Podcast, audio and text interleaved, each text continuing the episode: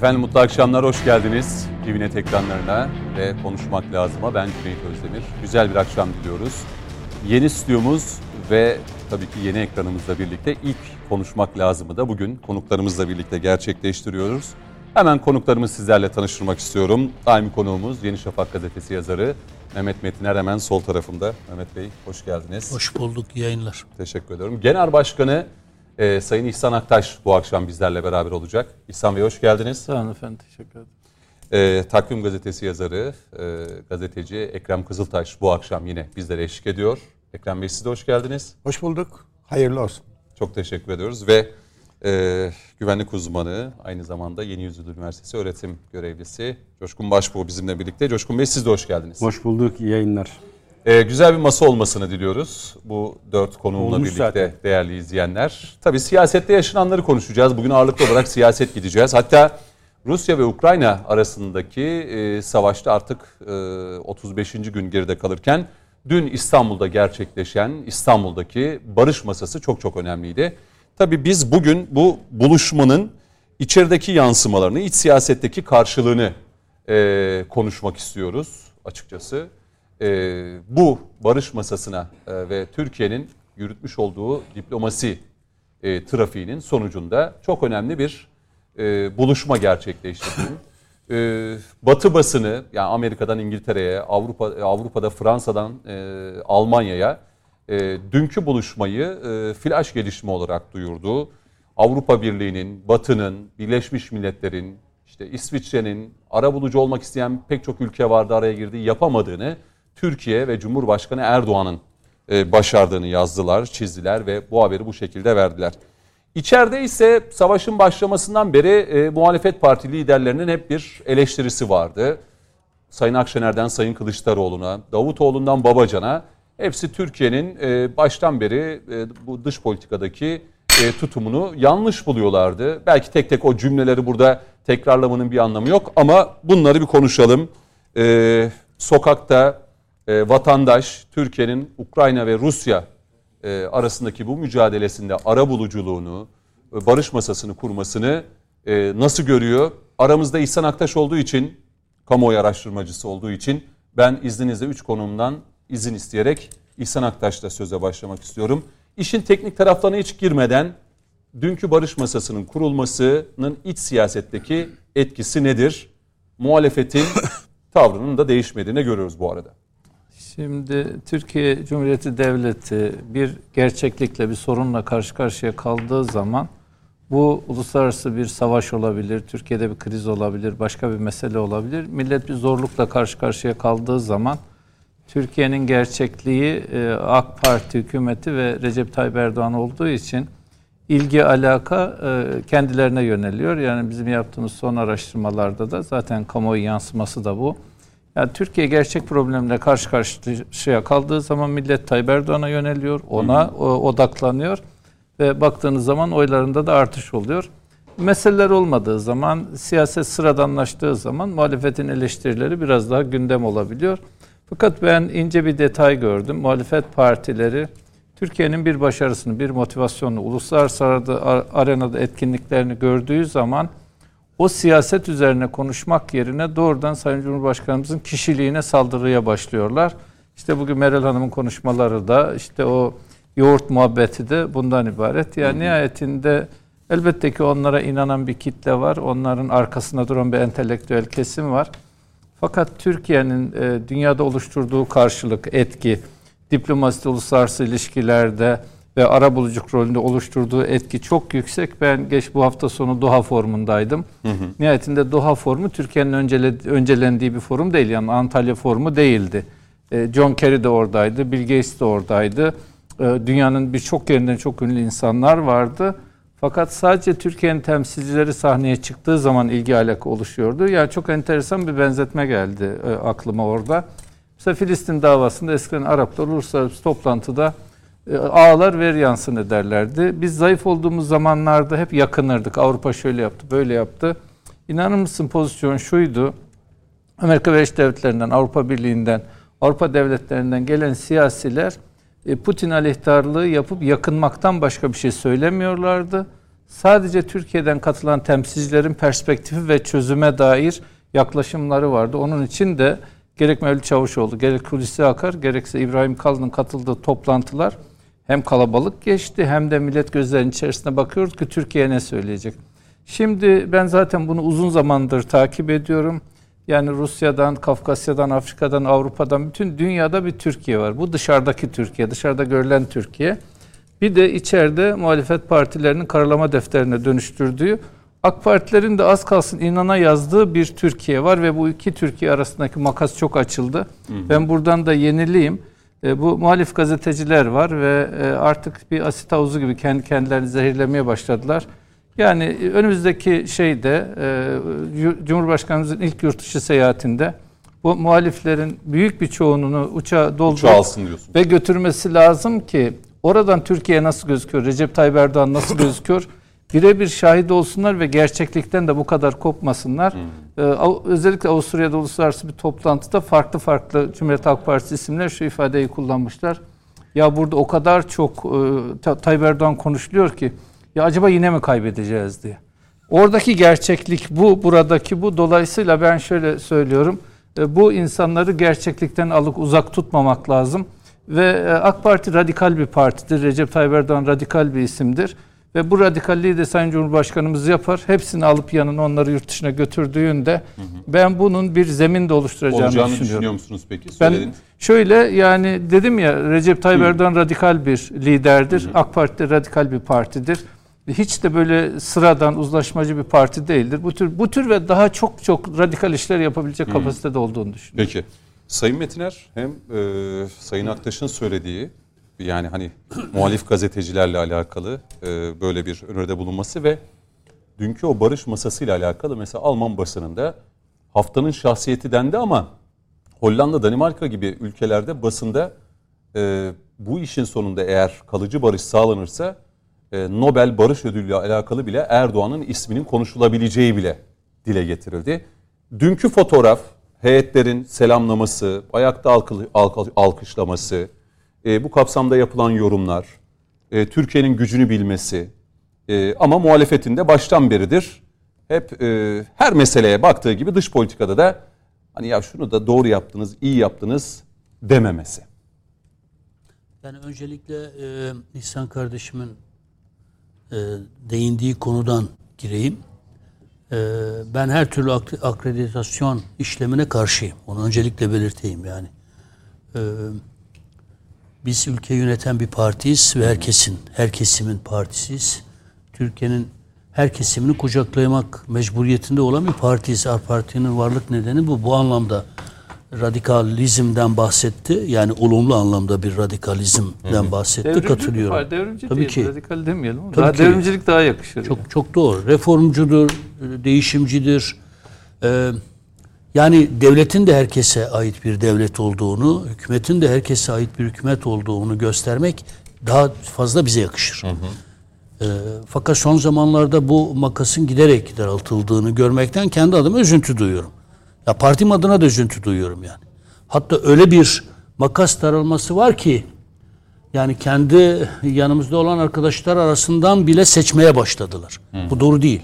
Bu, bu, bunu çok açık bir biçimde. CHP'nin akreditasyon uygulamasını da yanlış buluyorum. Muhalefet partilerinin e, işte AK Parti'yi destekleyen medyaya karşı uyguladıklarını da bizim de bu yeni bir döneme girmemiz lazım. Eleştiriye açık olmamız lazım. Tabii ki hakarete hiç kimse açık olmaz ama gazeteci de gazeteciliğini yapmalı. Türkiye'de her şey birbirine karıştı. Ekranlarda da görüyoruz, gözlemliyoruz. Gazeteci bir siyasetçiden çok daha fazla siyaset e, konuşmaya başladı ve siyasi tarafkirlik anlamında. Yani sanki bir partinin sözcüsüymüş gibi. Hı. Ya biz siyasetin içindeyiz. Biz bile kendi partimizin sözcüsü gibi konuşmuyoruz. Konuşmaktan kaçınıyoruz. Çünkü partimizin sözcüleri var yani. Cumhurbaşkanımızın sözcüleri var. Ama e, taşların tekrar yerli yerine oturması açısından ben e, bu uygulamayı çok anlamlı ve değerli bulmuştum. E, İhsan kardeşim de tweet atmıştı. Ben de daha önce e, bu katıldığım şeyde benzer bir şey söylemiştim. Bu hı hı. uçakta olan insanların profilinde artık bir değişiklik olsun. Hı hı. E, AK Parti yola çıkarken ki biz birlikte Türkiye'yiz, farklılıklarımızla birlikte Türkiye'yiz motosunu artık yeni bir siyasal pratiğe dönüştürmek zorunda. O gazete bana şöyle yazdı. işte Gezi'ye katıldıktan sonra böyle dedi. Bu tür kırgınlıklar e, AK Parti'nin taşıyabileceği, Türkiye'nin de taşıyabileceği e, kırgınlıklar değil. Peki. Yani Masa siz konusunda sonuna kadar destekliyorum ve bunun artık genel bir ilkeye dönüşmesi gerektiğine inanıyorum. Sadece e, Yani liderimizin X bir muhalif bir gazetenin Tabii ki e, yani Sözcü yazarının- gazetesi olabilir, Evet. Cumhuriyet olabilir. Mesela diyelim Özbekistan'da Sayın. İşte Gidip oradaki gözlemine gelip verelim de. herhalde gazetede e, Yazsın, objektif bir yapsın, şekilde objektif de yazmasın canım yani gazetecidir. hayır. Nasıl İhsan Aktaş'ın yazıyor? dediği Ya gibi orada İsmail gözüken de- Saymaz, İsmail Saymaz Ukrayna'ya gitti. Orada karşılaştı. 2-3 tane hadise var. Biz binlercesiyle karşılaştık. Diyor ki kime selam veriyorsan Bayraktar diyor. Bu kadar. nedir? Bu bir hakikatle yüzleşmedir. Deniz Hanım galiba Avusturya'da bir toplantıdaymış. O bir tweet attı orada. Burada herkes Erdoğan konuşuyor. Nihayetinde bu aslında hakikatle de yüzleşmedir. Bu fırsatı vermek Anladım. lazım geldiğini Tabii düşünüyorum. aynı sana. kanaatteyim. Peki Yani. Biz dışlanabiliriz ama biz dışlayan olamayız yani. Peki. Bu, Dışlayan dışlayan bir anlayış AK Parti'nin anlayışı olamaz kardeşim. peki. Ee, masa masa masa masa konusuna gezilerinde. gelince e, şöyle bir fotoğrafa baktım. O kadar anlamlı. hissettiniz o fotoğrafı Yani gördüğünüzde? müthiş bir gurur duydum bak. Yani Sayın Erdoğan çıkıyor. Siyasi hareketimizin lideri. Değişik bir format bu yani. İki taraf da alkışlıyor. Tabii yani Çok bir de değişik bir format. İki taraf bir masada oturuyorlar. Ee, Sayın Cumhurbaşkanımız kalkıyor, konuşma yapıyor ve indiğinde de herkes ayağa kalkıyor, alkışlıyor. Bu, bu müthiş bir şey. Bakınız bu format zaten barış müzakerelerinde olan bir format bu değil. arabuluculuğun da ötesinde bir şey galiba. Bu, bu, bu yani Arap olmanın ötesinde aslında bölgesel ve küresel güç olmanın gereklerine uygun e, tarafların birbirlerine kazandırmayı amaçlayan yeni bir siyasetin de çok derin ipuçları. Yani hem NATO üyesi bir ülkesiniz e, hem NATO'dan farklı düşünüyorsunuz. Hem Batı bloğu içine kendinizi yerleştirmeye çalışıyorsunuz. Hem de Avrupa bloğunun Rusya'ya karşı sergilediği tutumdan farklı bir tutum sergiliyorsunuz. Ez cümle ne Ukrayna'dan vazgeçeriz diyorsunuz ne Rusya'dan vazgeçeriz diyorsunuz. Yani bu bu masa ya o büyük jeopolitik dediğimiz e, fotoğraf içerisinde Türkiye'nin gerçek gücünü e, Bu haftaki gösteriyor. grup toplantısında mesela muhalefetten çok da fazla eleştiri yönelmedi. Daha doğrusu bu meseleye çok fazla girilmedi. Yani muhalefetten muhalefetten şunu beklerdim. Yani Türkiye'nin bu gücü hepimizin gücüdür. Hepimizin gurur kaynağıdır ya. Yani e, övün ya. Sessiz kalmak anlamlı değil ki. Muhalefetten de farklı bir muhalefet bekliyoruz artık ya. Yani bu başarı Türkiye'nin başarısı. Evet Erdoğan liderliğindeki Türkiye'nin başarısı ama son kertede Türkiye'nin başarısı. Hepimizi gururlandıran bir şey bu. Ya bir övsene, bir alkışlasana. Biz de diyelim ki ya ne güzel bir muhalefet anlayışı var. Her şeye karşı çıkan işte İhsan kardeşimin de dediği gibi bir başarıyı, büyük bir başarıyı bile gölgelemek için Erdoğan'ın şahsına saldırmayı, çok düzeysiz, gayri ahlaki bir e, üslupla e, Tevfik Fikret'in bilmem yağma şiirini okumak. Yani bunlar çok ayıp şeyler. Siyaseti bu kadar çok basitleştirmenin, muhalefet anlayışını da bu kadar çok müptezel bir zemine oturtmanın manası yok. Peki. Onun için benim önerim şu, bu büyük bir başarıdır, bir Bir kelimeyle özetleseniz E, o ak- fotoğrafa ne dersiniz bir kelime? ya ayakta alkışlanacak bir davranış, e, gurur duyulacak bir davranış Türkiye adına iki taraf bile ayakta alkışlıyorsa benim muhalefetim, bu ülkenin muhalefeti Sayın Cumhurbaşkanımıza hala Tevfik Fikret'in yağma e, şiiri üzerinden e, gayri ahlaki, çirkin bir saldırıda bulunuyorsa e, bu utanç vericidir. Ben gurur duydum, ülkem adına gurur duydum. AK Partili olduğum için de bin kat daha gurur duydum. Öyle ki e, ee, çok şükür ki böyle bir liderimiz var. O yüzden yeni bir kulvar açıldı AK Parti için. Bu dış siyasi hamle İçerideki bence siyaset. bence e, AK Parti'nin kendini yeniden siyaseten şekillenmesine de bir mecra olmalı. Herkesi kuşatan yeni bir AK Parti'ye, her kesimi kuşatan, e, hiç kimseyi dışlamayan e, bir AK Parti'ye e, dönüşmesi lazım. Umarım muhalefet de kendini tekrar yeniden gözden geçirir. Peki. İyiye iyi diyen, doğruya doğru diyen, Türkiye'nin kazanımlarını da kendi kazanımları olarak gören ama kendi eleştirilerini de getiren yeni bir muhalefet anlayışı da karşımıza çıkarsa Türkiye siyaseti e, yeni bir kazanıma kavuşmuş olur. Ekrem Kızıltaş size döneceğim ama bu arada İhsan Aktaş özellikle bu yaşanan olayların sokaktaki yansıması yani vatandaş ne diyor? Belki öncelikleri belki şu an işte enflasyon, işte temel ihtiyaç, enerji, hani artan fiyatlar vesaire ama e, Türkiye'nin şu takındığı tutum, dış politik, e, politikadaki bu tavrın sokaktaki vatandaşın ne kadar umrunda e, çok mu umursuyor, bunu e, kayda değer buluyor mu? Birazdan bunun cevabını alacağım. Ama Ekrem Kızıltaş'ın da özellikle dünkü fotoğraf e, iç siyasette e, belki tartışma konusu yapılmaması gereken e, bir meselede hatırlıyoruz. Yani mesela Sayın Babacan'ın, Sayın Davutoğlu'nun, Sayın Akşener'in acaba muhalefette olsalardı e, NATO üyesi olup da yaptırımına katılmayan bir ülke olarak muhalefet şu an iktidarda olmuş olsaydı biz de bu yaptırımları uygulayan ülkelerin safında mı yer alırdık? Yoksa denge politikasını mı izlerdik? Yani bu 15 puanlık uzman sorusu. Allah o onlara o fırsatı vermesin öncelikle. Ee, ama e, muhalefetin mesela böyle bir durumda ne yapacağı, nasıl yapacağı ile alakalı e, en azından CHP'nin arkasında giden bu yapılardan diyelim CHP'den gelen açıklama işte biz NATO üyesiyiz, NATO'nun doğrultusunda hareket etmeliyiz falan gibi sözler var. Hı hı. Ee, öbür tarafta da başka başka türlü açıklamalar falan var. Yani en sonunda Rusya Ukrayna arasındaki meselede Türkiye Cumhuriyeti Devleti'nin takındığı ve her iki devlet başta olmak üzere neredeyse bütün dünya ülkelerinin saygısını kazanan bu davranış muhalefeti ciddi şekilde rahatsız etmişe benziyor.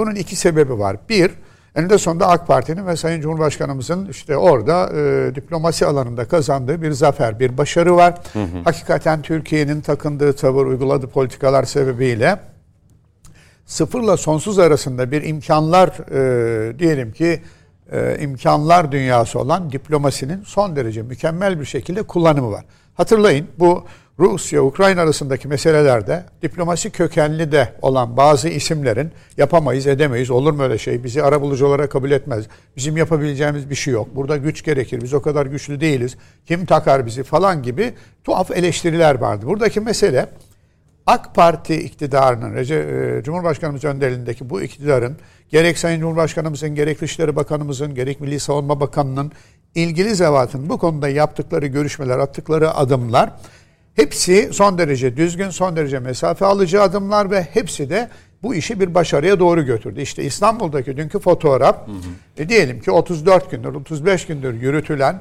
son derece e, başarılı bir diplomasinin e, adeta bir zafer anıtıydı. Hı. Neden? Sizler de söylediniz. Yani Sayın Cumhurbaşkanı oraya girerken kimse hani stüdyo şefi ayağa kalkın dedi, alkışlayın dedi diye o insanlar bunu yapmaz. Orada girdiğinde insanlar içlerinden gelen bir istekle çünkü savaşın Ukrayna'ya verdiği zarar yanında Rusya'ya verdiği zarar da var. Mutlaka. Yani hiçbir hiçbir ülke için ortalık güllük gülistanlık değil ve sadece bu iki ülkeye değil neredeyse bütün dünyayı ciddi şekilde etkilediğini biliyoruz. En azından ülkemizde mesela petrol fiyatlarının e, doğrudan ve dolaylı etkileri var. Dolayısıyla bir an önce bitsin diye herkesin beklediği bir vasat ve Türkiye'nin attığı adımlarla işte dünkü açıklamalardan anladığımız ne? Ciddi ilerlemeler kaydedildi. En azından işte bir takım metinler hazırlanıp e, liderlere sunulup onların bir araya gelmesine belki imkan teşkil edecek bir şey. Hı. Bu hakikaten alkışlanan ve alkışlanması gereken bir hareket. Özelde de aslında Türkiye'deki muhalefetin yani böyle bir şey konusunda en azından yani saygı duyduklarını söyleyip ha eleştirecekse yine belki şunu söyleyebilirdi. Mesela niye bu toplantıyı iki gün önce yapmadın? Mesela hmm. niye iki gün önce olmadı? Niye bu kadar gecikti? Bu bir muhalefet tarzıdır. Belki kısmen hani eleştiri, e, eleştirel yapıcı muhalefet falan da diyebilirsiniz. Ama sürecin başından Ama beri... Ama süreçte o kadar çok ülke araya girdi ki muhalefet bunu da takip etmiyor. Yani Bakın muhalefetin buradaki Hı-hı. meselesi şu. Cumhuriyet Halk Partisi'nden o bir genel başkan yardımcısıydı değil mi? Muhalefet e, iktidar partisi ağzıyla kuş tutsa bile Grup bizim başkanı. onu alkışlamamızı beklemeyin. Bu baştan sakat bir muhalefet tavrı. Muhalefetin diğer partilerine bakın işte e, yani Türkiye'de 120 küsur parti var ama diyelim ki belki gündeme alabileceğimiz 5 6 8 tane parti var. Bunlardan Cumhuriyet Halk Partisi ve beraber bulunduğu 5 partinin davranışlarına bakın.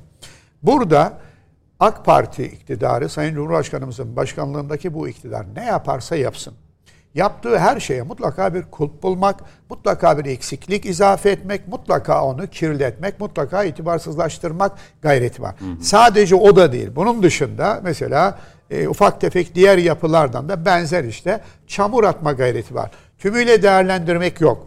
Tümüyle değerlendirip hakikaten bak ne güzel topladı onları ama diye başlayıp söylenebilecek başka sözleri de yok. Çünkü neler olup bittiğinin elin Almanı, Fransız, Avusturyalısı şu bu farkında.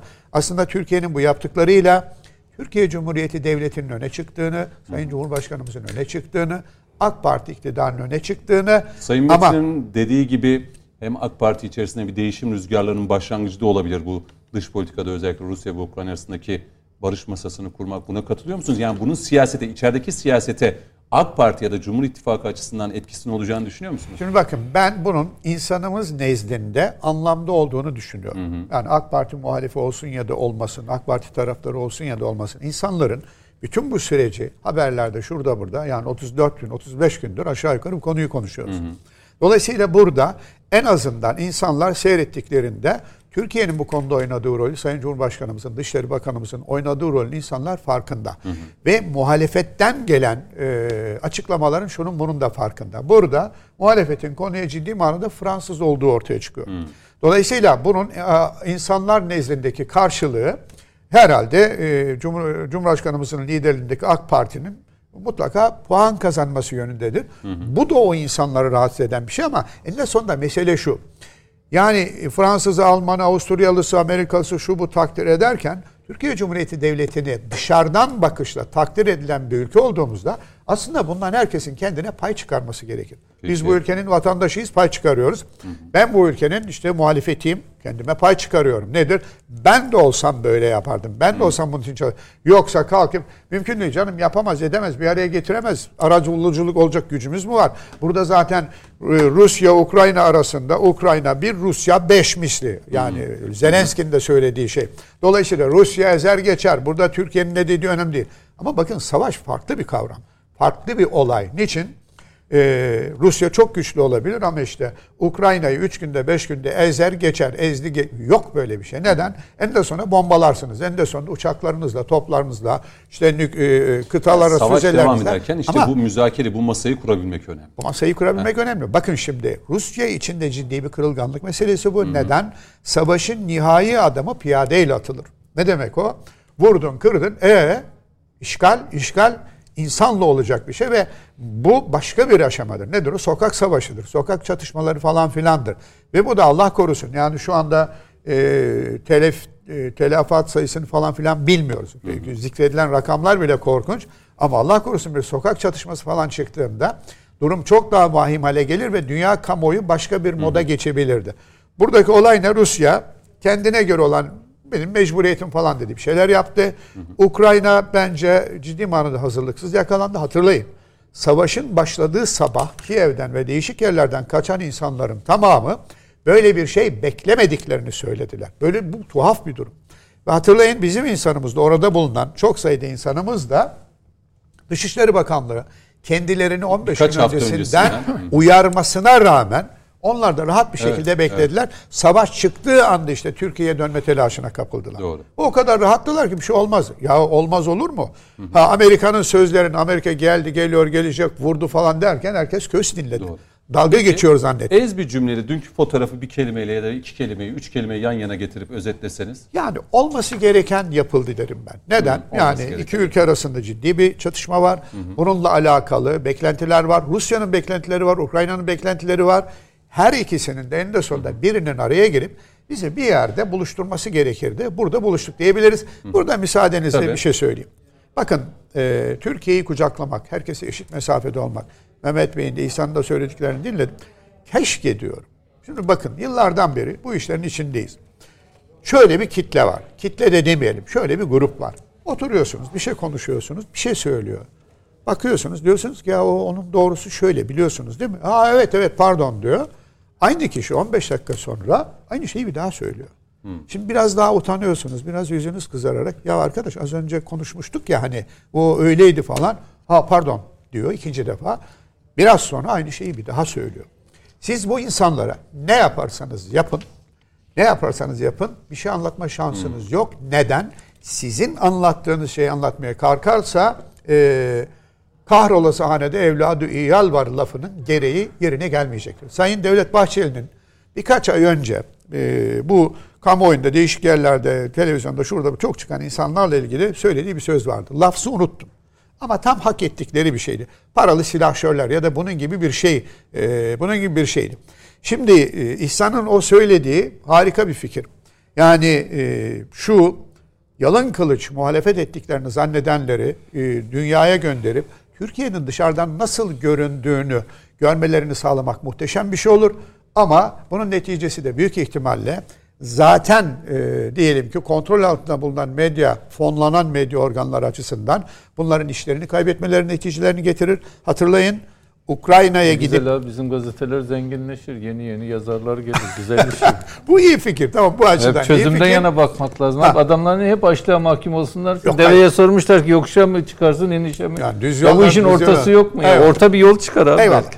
Ee, yani bu iyi bir fikir. Ee, Peki. en de sonunda uygulanmasında taraftarım ama işte e, maalesef tecrübeler bunun pek de böyle Peki. olmayabileceğini gösteriyor. Ben, ben bir cümle cümle söyleyeyim. Birincisi şey şu, dış politikada yakaladığımız bu e, olağanüstü başarıyı iç siyasete mutlaka taşımamız lazım. İçeride de masalar korumamız gerekiyor. Politik bir malzeme Bir, olarak kullanılmalı bunu açabilirim. yoksa- Hayır, bunu açabilirim. Şu an es geçiyorum. Peki. Bu çok önemli. Eğer bu dış politik hamlemizi herkesin takdir ettiği, sadece bütün bir dünyanın değil, farklı partilere oy veren vatandaşlarımızın da takdir ettiği bu hamleyi iç siyasete dönüştürebilirsek. Bu partinin dilinden tut, yeni siyasalara varıncaya kadar çok başarılı. Bir bu. İki, muhalefetin kutuplaştırıcı bir dili var. Ben tam tersine muhalefetin her şeyi kutuplaştırdığı kanaatindeyim. E, sorunlu bir muhalefet anlayışı var. Bizim tam da bizi sürüklemek istedikleri bu tuzağa düşmemek gibi bir yükümlülüğümüz var. Çünkü biz devlet yöneten bir partiyiz. Biz partilerden bir parti değiliz. Devlet yöneten bir partiyiz. Bu devletin aidiyet, bu topraklar, bu milletin değerlerini üstümüzde taşıyan bir partiyiz. Dolayısıyla bizi çekmek istedikleri yer bir tuzaksa şayet onların dilini kuşanmamız gerekiyor. Bu bir siyasettir. En önemlisi de şu. Mesela ticaret, ticaret yapın, para kazanın diyorsunuz. Diyor ki işte uyuşturucudan da kazansak daha çok kazanırız. Ya ben sana ticaret yap diyorum yani. Yani şimdi mesela herkesi kucaklamak lafı PKK'yı da kucaklamak, FETÖ'cüleri de kucaklamak anlamına gelen bir deyim değil. Bir takım marazi tipler ne yaparsanız yapın. Kur'an-ı Kerim'de de belirtildiği üzere onların gözleri kördürler, görmezler. Kulakları sağırdırlar, duymazlar. Onları kastederek söylemiyoruz. Ama onların bizi çekmek istediği tuzağa düştüğümüz andan itibaren yani kelimeyi hoşlanmadan kullanıyorum. Düşmanımıza benzediğimiz andan itibaren biliriz. Yani muhalefet AK Parti'yi kendine siyaseten benzediği andan itibaren kendisi bitmez ama AK Parti'yi bitirir. Bir Geleceğim, cümleyle Coşkun açıklık getireyim mi? Tabii, ya buyurun. kusura bakmazsa. Mesela bir Emin Çalışan, bir Emin. Çalışan tiplemesini alalım. Ömür boyu yaptığı şey şudur. Bu ülkede laik anti laik tartışması var, başörtülü var, Alevi var, Sünni var, şu var, bu var. Bütün ömrü hayatı iç meseleleri kaşımakla geçen bir zihniyet var. Biz ez- eğer bu küresel düzlemde oluştuğumuz büyük Türkiye imajını ve vizyonunu içeride de oluşturmazsak bunların iç tartışmalarına mahkum oluruz. harika. Ve şöyle düşünün bunlar İttihat Terakki'den beri bu iç tartışmalarda ve iç boğuşmalarda başarılar. Yani o koskoca Recep Tayyip Erdoğan'ı getirip burada bir kaşık Alevi Sünni anti laik, laik anti laik yani ben şimdi yurt dışına çıkıyorum yani şeyde Doha'da bana 50 tane yabancı ülkeden Recep Tayyip Erdoğan seçimi kazanacak mı diye soru sordu. Ve bunu endişeyle ve heyecanla soruyorlar. Şimdi dışarıda bir dünya devimiz var. İçeriye geldiğimiz zaman yoğurt başlıyoruz. tartışıyoruz ve iç meseleler tartışıyoruz. korumayı. Bence bu Tayyip Bey'in yüksek vizyonunu içeride de tahkim edilmesi gerektiğini düşünüyorum. Burada şöyledir. Her zaman büyüklük büyükte kalır. Çok doğru. Kişiler ne kadar sığ olursa olsun ve bunların da bu kendi iç meselelerde Türkiye'yi boğma politikasına alet olmamamız lazım. Belki Dışlamanın Abi akademide ve medyada dışlamanın şöyle bir Şöyle. şeyi var. Herkesi dışlarsın bir sürü vasıfsıza vasıf kazandırmak zorunda kalsın. Üç günde olmuyor bu da yani. Şöyle o zaman Coşkun Başbuğ size dönüyorum yine bu masa. Yani diyorsunuz ki işte Sayın Cumhurbaşkanı gayet doğal bir şekilde dedi işte hani şifa bulmak için manda yoğurdu, yulaf, bal demişti. Bunu bir partinin genel başkan yardımcısı Twitter'da böyle kalem kalem fiyatını gram üzerinden hesaplayıp paylaştıktan sonra Üstad Mehmet işte- Metiner buna cevap vermemeli Güler herhalde. geçin. Vermemeli. İhsan Aktaş da cevap vermemeliyim abi. vermemeli. Şöyle büyük Türkiye ile bunların dünyası çok koptu. Bizim bu ülkenin aklı selim mak- makul adamlarını büyük Türkiye ile tanıştırmamız lazım. Yoksa boğulup kalacağız Peki. diye düşünüyorum. Birazdan belki gireceğiz yani yani gireceğiz de iş e, Ekrem ucundan abi böyle. ikna edersek Türkiye ikna oldu demek. Şey. Coşkun Başbuğ dünkü masa e, hani çok teknik savaş devam ederken bu masanın kurulacağı 3 aşağı 5 yukarı belliydi. İnanılmaz bir yoğun trafik vardı. Dışişleri Bakanı, Sözcü İbrahim Kalın, Savunma Bakanı, Sayın Cumhurbaşkanı ve o masada bir araya gelindi. Şimdi işte deniliyor ki 2-3 hafta sonra belki bir ay sonra liderler düzeyinde de bir masanın kurulacağı. Yani Ukrayna tarafından onu anladık ama tabii hala Moskova ve Putin'in ne diyeceğini bilemiyoruz. Dünkü fotoğrafın sizde oluşturduğu hissiyat neydi? Oradan bir başlayalım ve içeriye bunun e, yansıması, siyasete e, karşılığı ne? Kullanılmalı mı bu siyaset olarak? Yani dış politikadaki bu Türkiye'nin tutarlı durumu, tavrı. Şimdi siyaset üstü diye bir laf var ya. Şu an o günleri yaşıyoruz. Yani bunun A partisi, B partisi veya buna bir siyasi kimlik bana göre e, giydirmek yanlış. Burada ulusu temsilen bir heyet var. O heyetin dünyada sergilediği bir fotoğraf var ve bu A'dan Z'ye bütün partilerin iliklerine kadar titreten bir fotoğraf. Şimdi dedin ya hani bir başlık taksak ne olur o fotoğrafa diye. Bu savaş tarihe geçti onu söyleyeyim. Bu kadar can kaybıyla böyle aralarda geçirilecek bir hadise Doğru. asla değil. Bu savaş tarihe geçti. İşte tarihe geçen bu savaşın ileride tarihi fotoğraflarından biri de dünkü o e, kare. Kare. Ayakta alkışlayan iki devlet ve bunlar hasım ha. Yani birbirleriyle düşmanlık öldürüyorlar, eden evet. devletler. Bakın atladığımız bir husus var. Ukrayna ile Rusya bana göre şu an e, bir daha o hani e, etnik dokuyu zor yakalayacak bir düşmanlık kazanmış durumdalar. Yani bugün Ukrayna'da sokağa çıktığın zaman herkes Rusya'ya e, lanet yağdırıyor. Uyguladığı şeyden dolayı. Ki ondan dolayı halk inanmadı. Ya biz de aynı milletin yakın zamana kadar bir ferdiydik. Böyle bir şey olamaz dediler. Yanıldıkları nokta o oldu ama oldu. Doğru. Şimdi Rusya'da e, bu kini nasıl yumuşatır tabanda halk? Çok uzun vade isteyen. Yani şu andan itibaren her şey yolunda gitse Biz iki tarafı yumuşattık sanki. İşte onu Biraz anlatacağım. Hani diplomasi açısından. Sağ Şöyle- daha yumuşamadı. bakın şöyle söyleyeyim. Ukrayna ile Rusya e, dağıldığı günden bugün hatta Stalin dönemine gidersen sürekli didişen, sürekli zıtlaşan, sürekli kutuplaşan ve ortak noktayı bulamayan iki devlet. Yani ta Stalin'den kalma o yapılan soykırım, açlıktan asılan insanlar bunlar hep Ukraynalıların hala hafızada tuttuğu tören düzenlediği dağıldıktan sonra. Ki bu travmada kolay kolay yıllarca unutulacak Geçmez. savaş. Holodomor günleri dedikleri günler işte o günleri ananan, e, anmak için düzenledikleri bir e, etkinlik. Kasım'ın 3. cumartesi mi ne öyle kutluyorlar yanlış hatırlamıyorsam. Şimdi bu bağımsızlığı kazandıktan sonra oldu. Yani o tarihi içindeki o e, yapılana hazımsızlık baskıdan dolayı gün yüzüne çıkmamıştı. Bağımsızlığı aldıktan sonra o e, olay gün yüzüne çıktı. E şimdi e, tarihi inceleme yaptık. Ukrayna ile ve Rusya. Hiçbir zaman ortak noktada buluşamamış iki ülke. Bu iki ülkenin ortak noktada buluştuğu tek bir olay vardı biliyor musun? Türkiye'nin arabulucu olması. Çok enteresan ya. İki tane devlet Ukrayna ve Rusya ona soruyorsun Türkiye diyor arabulucu olsun. Öbürüne gidiyorsun Türkiye arabulucu olsun. Buluştukları tek ortak nokta bu. Şimdi bu bu ülkede yaşayan her Türk vatandaşına gurur vermeli. Bakın iki tane başlık çıktı ortaya. Bir Nobel, Hollandalı bir gazeteci diyor ya. Diyor ki Tayyip Erdoğan Nobel'e aday gösterilmeli diyor. Benim bu Ama göstermezler. göstermezler o ayrı. Gönüllerin, Siyasi yani değil mi? Nobel gönüllerin ödülü verilen kişi biraz ben zaten o ödüllere itibar bilmiyorum eden biri değilim. soracağım verirler mi, aday Kesinlikle. gösterirler mi? Ama ben siyasi olduğunu düşünüyorum. Ben zaten Nobel olayına yani taraftar biri de değilim. Orada siyaset dönüyor o ayrı. Ama neticede e, bir yabancının, bir Hollandalı'nın biçtiği bir kumaş var. Ama Sayın Metiner hep genelde şey der yani böyle Batı'nın böyle pop poplamasına ben çok da Hayır ben başka bir yere geleceğim. Müteyakkız olmalı. Evet. Ben de asla itibar etmem. Yani. Yani, benim için sırtımı sıvazlıyorsa ben gittiğim yolda bir yanlışlık vardır. Hep söylerim bunu. Şimdi ikinci husus ayakta alkışlama. Şimdi bunu ekranda seyreden biri Ben şahsen o duyguyu yaşadım. Ee, gözlerim yaşararak seyrettim. Neden? Çünkü bakın bu işin sonunda bir kahraman çıkacak. Savaşı kazanan devletler vesaire bunlar tartışılır.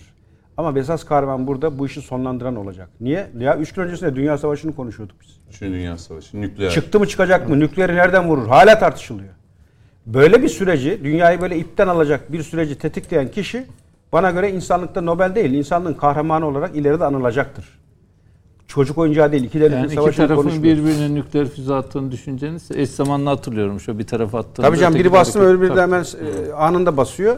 Böyle bir ortamda siz araya girip tarafları bir masada topluyorsunuz, oturtturuyorsunuz ve bizim kadar kolay da gelmiyorlar. Çağırdın geldik. Onlar ciddi bir mesai istiyor bu işler. Öyle altyapısı olmalı.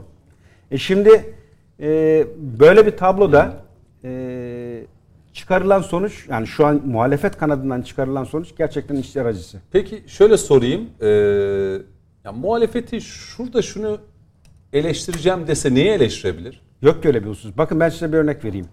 Şimdi hani ben üniversite sınavlarında çok sevdiğim sorulardır. Bara soruları. Metin verirler. O metinden sen aşağıdaki soruları cevapla derler. Şimdi Hiç de sevmezdim o soruları. Uzun uzun böyle paragraflar. E, benim de benim de en sevdiğim sorulardı. Şimdi şu yaşadığım olayı o soruya ben adapte edeyim. Şimdi ne dedik? Az önce bütün hocalarım çok güzel ifade etti. Engin Altay, grup başkan vekili bakın. Ana muhalefetin grup başkan vekili. Aynen şu cümleyi kuruyor. Bu hükümet dünyanın en iyi işinde yapsa bizim bu hükümeti alkışlayacak halimiz yok diyor. Yalnız şu Ben, söz o, var ya. ben o hani, forumdaydım. Canlı şahidiyim. Kendi kulaklarımla duydum. yalnız bir şey söyleyeceğim. Şu söz hani tarihte çok önemli figürlerin işte sözleri böyle vecizeleri olur ya. Hani CHP adına da Engin Altay'ın bu sözü bir şey olarak kalacak yani. Şey, ama Evet, bakın o, sürekli- o o bir niyeti bir niyeti grup adına dillendiriyor. Evet, evet. Duydunuz mu bir kişiyi çıkıp bir dakika kardeşim ne demek öyle şey? Ben bu ülkenin menfaatini düşünürüm. Eğer muhalefette olsam iktidar iyi bir şey yapıyorsa elbette takdir benim yetkim ve hakkım. Ve ben de o yetkiyi ve hakkı takdir yönünde kullanırım diyen duydun mu? Yok. Yani laf hazmedildi. Şimdi ben e, o soruya geleyim. İki tane metinde örnek var. Nobel ödülü diyen Hollandalı artı ayakta alkışın Ukraynalı ve Rusya. Şimdi bu durumda ben kimlik arayışına girmem lazım.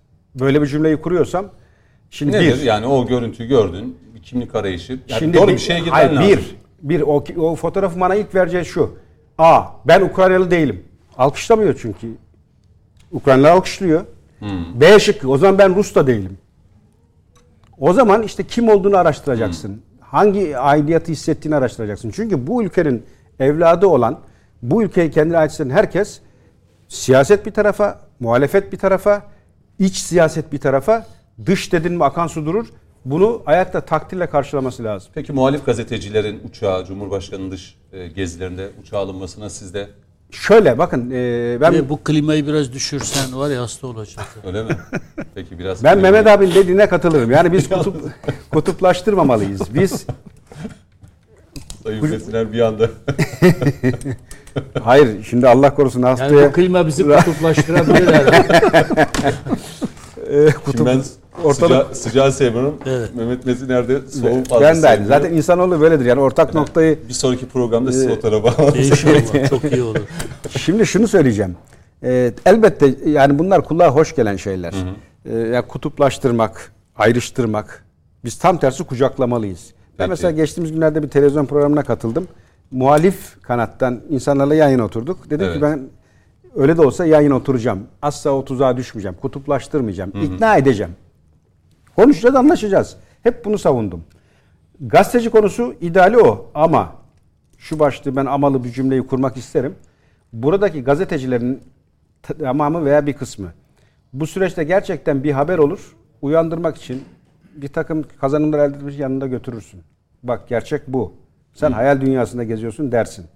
İyi niyetliyse. Ama ben bu gazete, gazetecilerin hatta bir kısmının bunları bizden daha iyi bildiği halde bu rolü soyunduğu kanaatindeyim. O yüzden pek de değişen bir şey olmaz diyorsunuz. Yani- İhsan Aktaş İş, işi bu. söylediği önemli. Şimdi ya sağduyunun her zaman Mesela galip en son gelme şansı vardır. hakaretten cezaevine girdi çıktı şimdi ismi aklıma gelmiyor. Sedef Kabaş. Sedef Kabaş mesela bir yurt dışı gezisinde Ama vasıflı bir gazeteci değil ki o. Ya gazeteci örnek verdi şöyle yani gazeteci üzerinden. dediğimizin e, şeyi formasyonu farklıdır. bir ağırlığı yani. bir öz kütlesi yani olacak şey, diyorsun. nihayetinde bu ülkede 40 yıllık gazetecilik yapan insanlar var. Rüştünü ispat etmiş insanlar var. Yani hani şov ve gösteri yapan insanlar da gazeteci demek çok yerinde Örnek değil. Yani örnek çok ya da Yılmaz Özdil Şey, mi yani olabilir? bizim Muvafık uçağımıza olmadı. bindiler diye düdüğümüzü de çalacak değiller yani. Yani bunda Şimdi mevzu şu. AK Parti kurulduğu zaman bu topluma şunu dedirtti. Ben AK Partili değilim ama doğru yapıyor. Ben AK Parti iyi yapıyorum. Ama şöyle. Bu milletin kanına bir FETÖ virüsü girdi.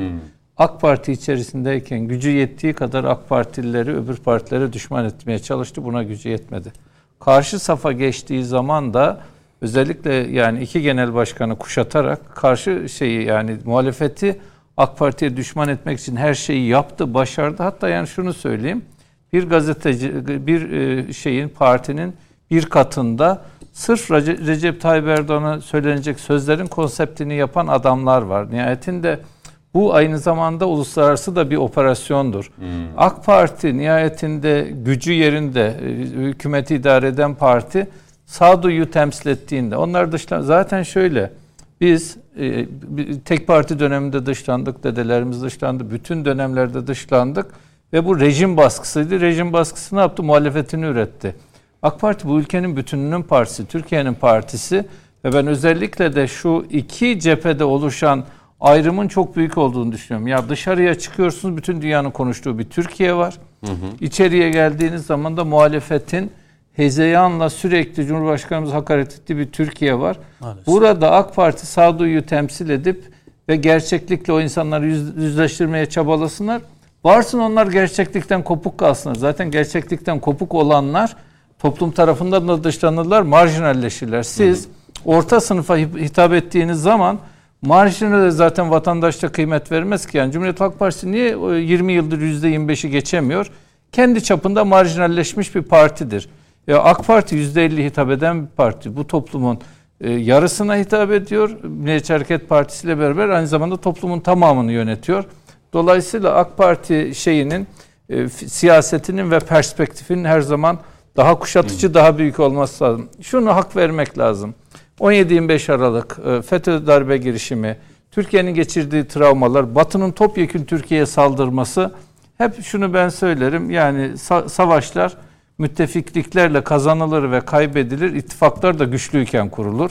Siz güçlüyken ittifakınızı genişletin. Allah aşkına şu fondaşlara verilen paranın miktarı nedir ki? Türkiye Cumhuriyeti Devleti onları karnını doyuramaz mı da biz İsveç'e, Hollanda'ya şuna buna muht- muhtaç ettik.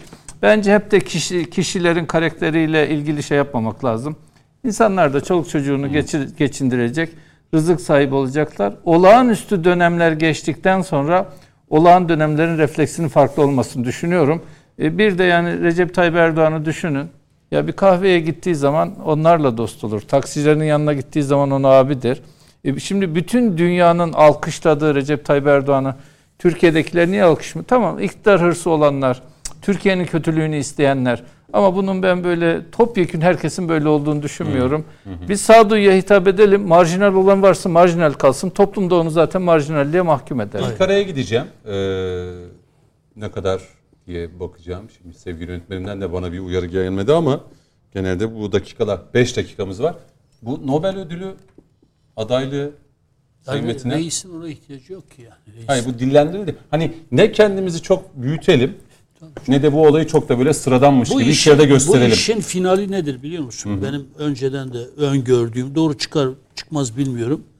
Ee, son kertede e, Başkan Erdoğan, Başkan Putin ve Zelenski bir araya gelecekler ve bu işi sonlandıracaklar. Ama benim bir tek kaygım Zelenski'den yana. Çünkü Zelenski sadece Zelenski'den ibaret değil. Kendi başına karar verecek bir lider değil. Amerika'nın başını çektiği Avrupa bloğu şayet istemezse e, Zelenski çözüm masasına, barış masasından çekilebilir. Yani mesela Putin'in kendi iradesi var. Başkan Erdoğan'ın kendi iradesi var. Ama Zelenski'nin Zelenski e, şey çünkü yani batıdan da koptuğu andan itibaren, batının dediğini de yapmaktan kaçındığı andan itibaren bir hiç olduğunun farkında olduğu için benim böyle bir kaygım var. Ama e, ben Zelenski'nin yerinde olsam Batı'ya bu kadar çok fazla güvenmezdim. Zelenski'nin zaten kopma gibi şansı yok. Tabii yani Başından sonuna proje tek, işin başına tek şey bu. getiriyor. Yoksa bu çözülemez bir sorun değil.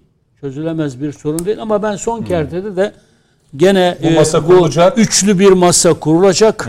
Bakınız e, ve bu masanın da siyasal aktörü olarak e, tarihe geçecek tek isim Recep Tayyip Erdoğan'dır. Onun için diyoruz ki bu bakınız böyle bir masa bile ne kadar olumlu bir etki yarattı. Yani bu masalar Türkiye'nin içinde de kurulabilir. Siyaseten çok fazla aşmak istemiyorum. Bazı sözlerin yeri ve zamanı vardır. Eğer toplumun gayri ekseriyeti bu dış politika hamlemizi şey karşıladıysa, aldıysa, Taban satın öyle. aldıysa Taban öyle. bunun siyasetini de artık görmek istiyor demektir. Onun için ben partimden hasreten rica ediyorum. Sayın Erdoğan İhsan da bilir bunu ve Ekrem abi de bilir zaten üstadımız. Biz tek başımıza yüzde elli alan bir partiydik. Yüzde ellinin üzerine. Erdoğan olarak söylüyorum, parti olarak değil. E şimdi nereye doğru geliyoruz? Ha demek ki demek ki her an tekrar tek başımıza oraya doğru gelebiliriz. Oraya gelebilmenin de tekrar şeyini yapmamız lazım. Zaten şu olay e. Mehmet abi şu Bizim olay dediğimiz bu. Partimizin yararına bir şey söylüyor. Canları sağ olsun. Biz her halükarda bu geminin içinde. Siyasete gireceğim peçeteye bazı başkentler yazdım. Bu aslında e, Sezai Karakoç'un bu gün dönümü şey hadisesi oluyor. Lahey, Berlin, Paris, e, işte Brüksel Londra. falan, Londra gibi merkezler vardı ve hikayeler orada kurulur, orada yıkılırdı. Mesela şu son 6 aydır Cenevre'yi duydunuz mu? İsviçre'yi duymadık. Veya Brüksel'i işte duymadık. Brüksel'i duydunuz mu ya da Lahey'i zaten duydunuz İstanbul mu? Anlaşması tarihe geçecek. Ne konuşuluyor? Ee, Antalya formu konuşuluyor ve İstanbul konuşuluyor. Hmm. Şimdi fakat bu tarihin ve gün dönümünü bu içerideki kargaşaya boğup da vatandaşın gözünden uzak tutmamak lazım ve bu, bu gün dönümünü hem Türkiye'nin entelektüelleri hem yöneticiler hissetmeli diye düşünüyorum. Sokakta vatandaş her şeyin farkında mı? Abi, Türk vatandaşı Yani- çok zeki, Ya- uyanık Ya ortalaması muhalif de olsa, entelektüellerden hani şu an yüksek vatandaş. Belki Erdoğan'ın gerçekten benim ekonomide sa- aldığım bazı şu- meselelerde kızgın olan bir seçmen, muhalif bir seçmen şu anki bu tabloda Türkiye'nin bu dış, dış politikadaki tutumuyla Abi Türkiye Hani halkı, oy verir vermez, bunu Türkiye demiyorum ama vatanperver bu- ve milliyetçi bir halktır ve kendi devletiyle gurur duymayı sever. Bizim o fırsatı vermemiz lazım. İhsan Hocam'ın alanına girmeyin. Benim sahadan aldığım bilgi şu olaylarda Türk yani e, iktidar partisinin en az %5-6 oy- oyların arttığı şeklinde. Sadece bu Sayın destekten Aktaş. dolayı. Biz şöyle araştırmacılar bu tür iniş çıkışların daha Çok. e, daha dengeli olduğunu şey yaparız ama ya en az 3 puan bizde gözüktü ki daha e, şey bu etki yüksek değildi. Bir de arkadaşlar ya Türkiye'nin dış politika etkisi bir haftalık 10 günlük bir aylık değil. Aslında bu 10 yıldır uygulanan politikanın bir iz düşümü ve biz daha çok iz düşümleri göreceğiz bunun gibi. Sadece bununla sınırlı değil. Yani şöyle bakın Doğu Akdeniz'e bakın, e, Libya'ya bakın, Karabağ'a bakın, Li- e, Suriye'ye bakın. Biz her yerde kalıbımızı basa basa geldik ve bir dış politika inşa ettik. Bu bunun dışa yansıması. Ama, yani e, şöyledir. Cephede birbirine kurşun sıkan ve birbirinden nefret eden iki tarafın bir kişiyi alkışlaması o kadar zor olacak bir şey ki. Ve Tarih demek ki dünyada bak e, Alman basını şunu yazmış. Papa yok. Tabii. BM yok, Recep Avrupa Tayyip Erdoğan yok. var. Yani Papa'nın yapacağını, BM'nin yapacağını Recep Tayyip Erdoğan yaptı. E bu şöyle her Türk vatandaşını gururlandırırdı. büyük olabiliyor. Kesinlikle. Yani bu, Bu- bu bütün Türk halkını gösteriyor. bence Coşkun Bey'in vurgusu çok önemli. Bütün Türk halkını gururlandıracak bir e, tablodur. Nihayetinde biz 1912'de 15'te topraklarının sıfır bütününü kaybetmiş bir milletiz ve oradan bugünlere Ne geldik. anlaşmalar, Yani o tabii, tabii. ülkeler. Yani 200 yıldır biz aynı bayrak dalgalanmıyor, sıfıra düşmüştük yani. Peki. İlk araya gideceğim. Dönüşte eee, bu bahsi kapatacağım ve siyasette içeride yaşananları Ekrem Kızıltaş sizinle başlayacağız. Altılı masa. Dersine Ya çalışıyor. biz beşli masayız. Altılı masayı konuşacağız. Altıncı kişiyi bilmiyorum nasıl bulacağız. O masa zaten yuvarlak. Bu oval bir masa. Ara zehir oldu şimdi Ekrem abi. Peki o zaman ilk araya gidelim değerli izleyenler. Dönüşte burada olacağız. Efendim ikinci bölüme başlıyoruz. Konuşmak lazım devam ediyor. Mehmet Metiner, Coşkun Başbuğ, Ekrem Kızıltaş ve İhsan Aktaş bizlerle beraber bu akşam. Şimdi siyaset içeriye biraz dönelim. Siyasetin gündeminde seçim yasasını görüyoruz ama e, tabii altılı masanın e, Ali Babacan'ın e, bu sefer ev sahipliğinde bir e, toplantı gerçekleştirildi. Ve o toplantı e, e, bundan sonra da devam edeceği mesajı da geldi. Ama hala bir HDP e, durumu söz konusu. HDP bu masada olacak mı olmayacak mı hala konuşulmakta. Aday hala ki 13-14 ay var artık seçime. Bugün Sayın Akşener'i dinledim grup toplantısında pek çok meseleyi çözeceğiz. Bunu çözecek olan da müstakbel başbakanınız olarak benim dedi. Yani bir başbakan, bir cumhurbaşkanı olacak onu anlıyoruz. Bu cümleyi bir yerden tanıyoruz. Ve Ekrem Kızıltaş evet, evet. buyurun bu altılı masanın önümüzdeki günlerde yine herhalde e, bu toplantılar devam edecek. Yani herhalde seçim e, açıklanıp e, mecburen aday bildirme gününe kadar da bunlar tartışabiliriz ama eninde sonunda altılı masanın kimi cumhurbaşkanı adayı gösterecek kendi meseleleri. Aradıkları şey yani ee, burada bir anekdot anlatayım müsaadenizle. Allah rahmet eylesin. Mehmet Şevket Egi e, yanına bir asistan arıyordu bir dönem. Malum Milli Gazete'de yazı yazıyor 90'lar. Bir ara bana bir şey gönderdi. Metin. Ya dedi şunu yayınlasan da buna uygun birisini asistan olarak alabilirsem. Şöyle metne baktım baktım. Abi dedim ya böyle birini bulsak başbakan yaparız. Gülüştük. Şimdi e, bir cumhurbaşkanı tarifleri var. Sayın Kılıçdaroğlu bastırıyor, birileri bastırıyor. Şu anda İyi Parti başka bir şey söylüyor, Saadet Partisi başka bir şey söylüyor. Herkes başka bir şey Ama söylüyor. Ama bir şey var. Bugünkü grup toplantısında ben şunu anlıyorum. Hı. Başbakan belli yer. Bakın Cüneyt yani Meral Akşener ben başbakanım. Bu. En büyük problem de bu. Hı hı. Ne diyor altı, altılı ve artı işte biri görünen ya da görünmeyen HDP olan masadakiler? Güçlendirilmiş parlamenter sisteme geçeceğiz diyorlar. Hı. Ne demek bu? Demek ki eski hale dönecekler. Eski halde kim icranın başında olur? Başbakan olur. Bir dakika. İyi Parti, Meral Akşener'in partisi Türkiye'nin ana muhalefet partisi mi ki hükümet sistemi değiştiğinde e, Akşener başbakan ya da olacak. seçimden birinci parti Bakın, mi çıkacak? Bu bu samimiyetsizliğin en büyük ifadesidir. Sayın Kılıçdaroğlu da bunu kullanıyor. İşte o diyor başbakan olacak falan. İyi de Hacı abi yani o başbakan olacaksa sen birinci partiysen bu nasıl iş böyle şey olur mu? İcranın başına birinci parti de gelir. Ha o zamana kadar Cumhuriyet Halk Partisi eriyecek. İyi Parti birinci parti gelecek, ana muhalefet olacaksa makul. Ama böyle bir şey yoksa hı hı. Bu, bu bence komedi. Neden? İşte başbakan, geleceğin başbakanı o başbakanlığı istiyor.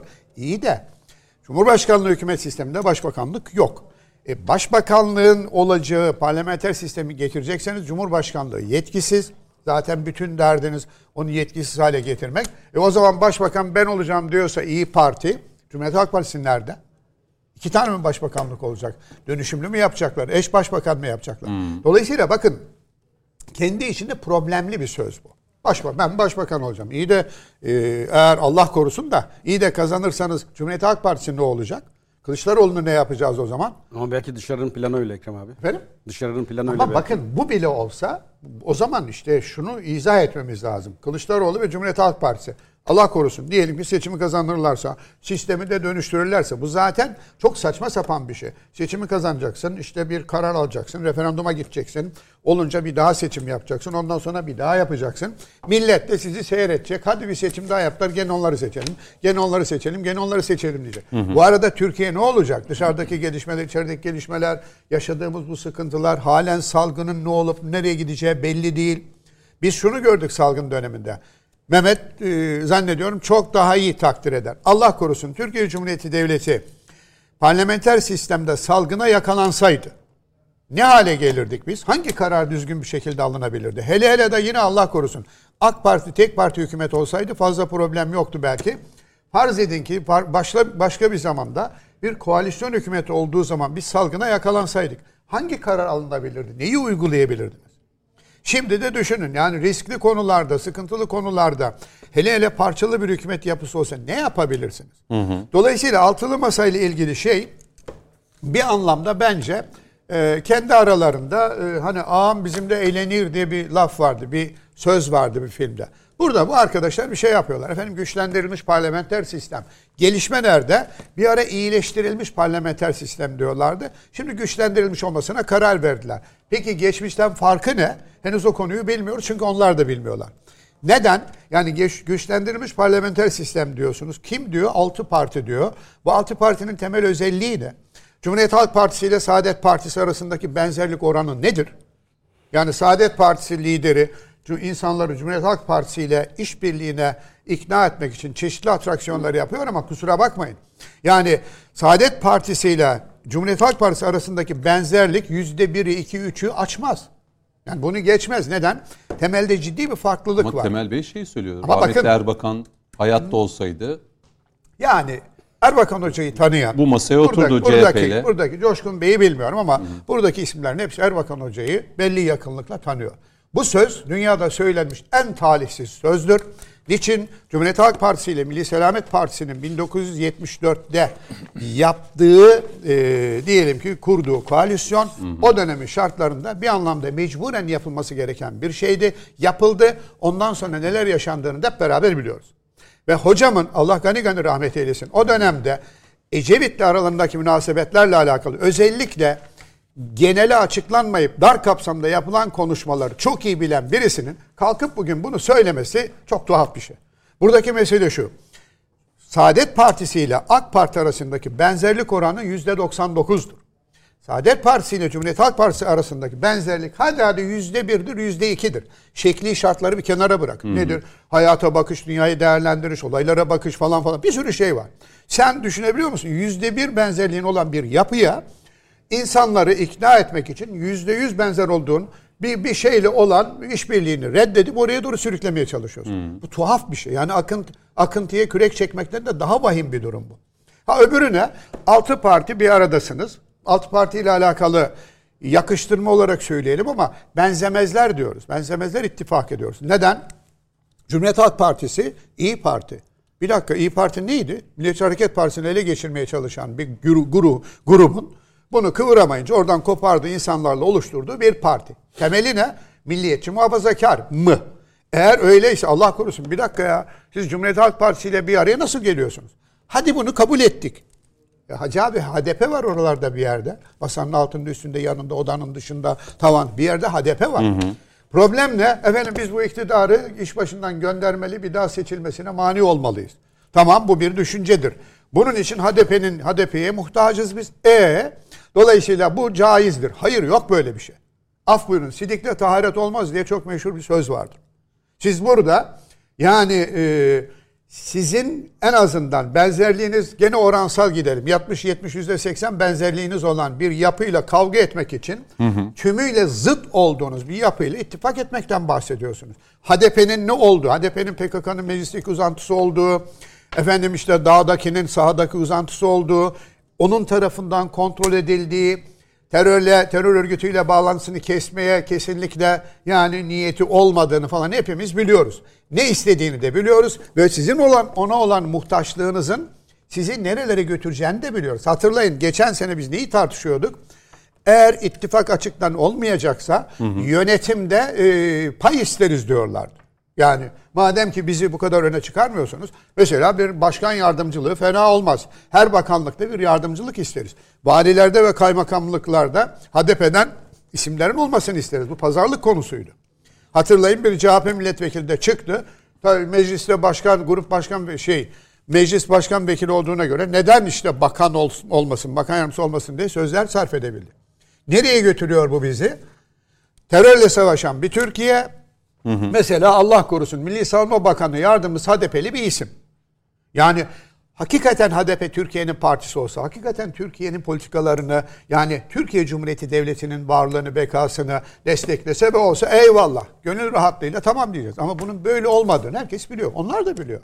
Altı parti bir arada güçlendirilmiş parlamenter sisteme gideceğiz. Bana şunu izah etsinler o zaman. Altı parti madem altısı demek ki koalisyon kuracaklar. Altı parti koalisyon kurduğunda neyi nasıl paylaşacaklar ve çok önemli bir karar alınmasına sıra geldiğinde masaya nasıl oturacaklarına iki ayda üç ayda karar veremeyen insanlar o o önemli kararları nasıl alacaklar? Bu millet bu kadar saf değil ki. O altılı masanın artı biriyle altılı masanın ne yaptığını ne yapmaya çalıştığını insanlar takip ediyor. Tamam kendi seçmenlerini kendi ana kitlelerini konsolide etmek için Oradan bir takım işte laflar edip duruyorlar. Yani oldu, oluyor, olacak, geldik, geliyor, toplanacağız, devamlı toplanacağız, bir araya geldik. İyi, ne yapacaksınız sonra? Yani altı partiyi o zaman ne yapın? Tek parti haline gelin. AK Parti tek bir parti. %50'ye seslenen bir parti. Düşmanınız o, varlık sebebiniz o. Peki, Bütün varlığınızın anlamı ona duyduğunuz husumet. O zaman tamam bu kadar birbirinizi seviyorsanız tek parti haline gelin hadi bakalım. Evet, tek yapı olun. Görelim sizi. İttifak zaten o hale durumu getirmiyor Bülent mu? Bey, öyle ama- olmadığını, Tamam. öyle olmadığını biliyorum. Tabii bu yeni seçim kanun teklifine de Bakın, değineceğim birazdan. Herhangi bir İyi Partili, Cumhuriyet Halk Parti ile yani kısmi bir takım şeyleri ikna edebilirsin ama İyi Parti söylendiği gibi bir parti ise eğer Evet. en sonunda Cumhuriyet Halk Partisi ile İyi Parti birleştiğinde e, hani e, diyelim ki birinin oyu yüzde 25, birininki de 8, 9, 10, ikisi 35 etmeyecektir. Yüzde 26 etse bile şaşırtıcı olur. Neden? Temel tezleriniz farklı, hayata bakışlarınız farklı. Nasıl aynı şeyi yapacaksınız? Ve düşünün her iki parti içinde en büyük risk nedir? Hala HDP ile olan işbirliği deklare edilebilmiş değil. Neden? İyi Parti'nin milliyetçi muhafazakar bir tabanı var. Ciddi şekilde karşı bu insanlar. Biliyoruz bunu. Cumhuriyet Halk Partisi'ndeki büyük bir kesimde karşı. Niye? Ulusalcı, Kemalist. Ne HDP ile işbirliği. Bir dakika ya. Bu ülkeyi bölüp parçalamaya niyetli bir yapının e, siyasetteki uzantısı bu. Bütün bunların yanında bak az önce en başta söylediğim samimiyetsizlik en çok sırıtan da bu. Nedir? Ne yapacaksın? Efendim e, güçlendirilmiş parlamenter sisteme döneceğiz. Yani Cumhurbaşkanı sembolik olacak, yetkisiz olacak. Evet. İcranın başında başbakan olacak. Peki başbakanınız kim? Meral Akşener. Hayda. Peki. Niye? Şimdi. Samimiyetsiz Niye? bir şey bu be. Peki. Ee, şimdi Sayın Metiner, e, mesela bu ikinci buluşma ile alakalı Meral Akşener şunu söyledi. E, güncel soruları, işte parlamenter sisteme geçiş sürecinin detaylarını konuştuk. Görüyoruz ki bu tablo Cumhur İttifakı bileşenlerinin canını çok sıkıyor. Şimdiye kadar yürüttükleri kutuplaştırma siyasetleri de bozuldu. Çünkü rahatları bozuldu. O rahatlar daha da çok bozulacak dedi. Meral Akşener bunu söyledi. Kılıçdaroğlu ne söyledi hemen ona da şöyle bir bakayım. Kılıçdaroğlu da yine biz güçlendirilmiş parlamenter sisteme geçiş sürecinin yol haritasını belirlemek üzere bir kez daha bir araya geldik. Ee, hangi kanunu getirirlerse, hangi seçim kanunu teklifini getirsen, getirirlerse getirsinler. Anlamadıkları bir şey var. Bu millet kararını verdi. Bu millet 21. yüzyılda açlığı, yokluğu yaşıyor. Kanunu istediğiniz kadar değiştirin, sizi göndereceğiz, yolcu edeceğiz diyor. Bugünkü, e, bu haftaki grup toplantılarında bunu e, söylediler. E, Bu altılı masa kendine çok mu güveniyor? Ki birazdan İhsan Aktaş'a belki soracağım. Daha ayrıntılı mutlaka değerlendirecektir. Kendine çok güvendiği görüntüsünü veren bir masa aslında kendisine hiç güvenmeyen bir masadır. Hmm. Kendine güvenen bu kadar çok e, güven duygusunun altını çizmez yani. Bu onu belirteyim. İkincisi parlamenter sistem açıklamasını yaptılar. Peki niye tartışılmadı bu? Doğru. Yani sizi televizyon ekranlarında kayda değer Ben muhalif kanallarda da görmedim. yeni bir sistem ortaya konulmuş olsaydı tartışılmaz mıydı yani? Aklınızda kalan şey nedir mesela? Önerdikleri güçlendirilmiş parlamenter sistemle ilgili hiçbir şey. İşte bu Yani ben def- müzakere ediyoruz diyorlar. Yani ben defalarca defalarca o metni okudum. Hala aklımda kalan anlamlı tek bir şey yok. Yani hem siyaset bilimiyle uğraşan hem aktif siyasetle e, uğraşan birisi olarak söylüyorum. Kayda değer hiçbir şey yok. Öyle bir metin hazırlamışlar ki aklı evveller kim hazırlamışsa onu. Sistemin içinde bir cumhurbaşkanı var. Ama cumhurbaşkanı kim tarafından seçileceğini e, daha bilmiyorlar. Ya bir cumhurbaşkanı var. Peki cumhurbaşkanı kim seçecek? Yani meclis mi seçecek, doğrudan millet mi seçecek? Onu yazmamışlar. Zaten ilk gün, pazartesi günü gün içinde açıklandığında da katıldığım bir televizyon programında hemen bu ayrıntıyı e, yakalayıp paylaşmıştım. Ya tamam da Cumhurbaşkanını da kimin seçeceğini söylemeden siz bir sistem Şurayı isterseniz şu bakın ne diyor Meral Akşener burada ne diyor? Defalarca söyledim adayımız Türkiye Cumhuriyeti'nin 13. Cumhurbaşkanı. Tamam. Kim tamam Cumhurbaşkanı tamam aday. Kılıçdaroğlu Cumhurbaşkanı adayı oldu diyelim. Başbakanı biliyoruz ama. Kim seçecek? Bu, bu önerdikleri güçlendirilmiş parlamenter sistemde Cumhurbaşkanını kim seçecek onu yazmıyorlar. Ya bu çok bu, bu konuya bir netlik getirsinler. Bir diğer husus şimdi bakınız millet kararını verdi diyor doğrudur. Diyelim ki verdi. AK Parti de gidecek. Erdoğan da gidecek. E tabii rahat olun biraz ya. Seçim kanunu bu kadar çok sorun etmenize gerek yok ki.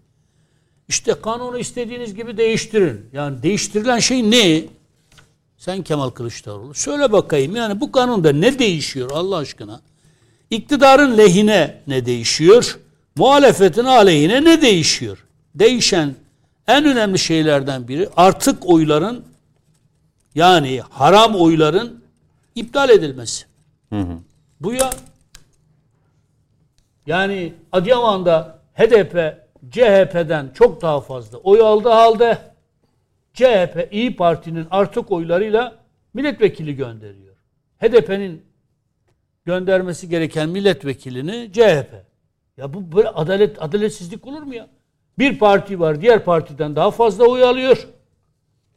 Ama o parti artık oylarla meclise milletvekili gönderiyor. Elazığ'da MHP'nin oyları CHP'nin oylarından çok daha fazla ama İyi Parti'nin oylarıyla Elazığ'dan CHP'li e, aday milletvekili seçiliyor. Yani getirilen şey bu.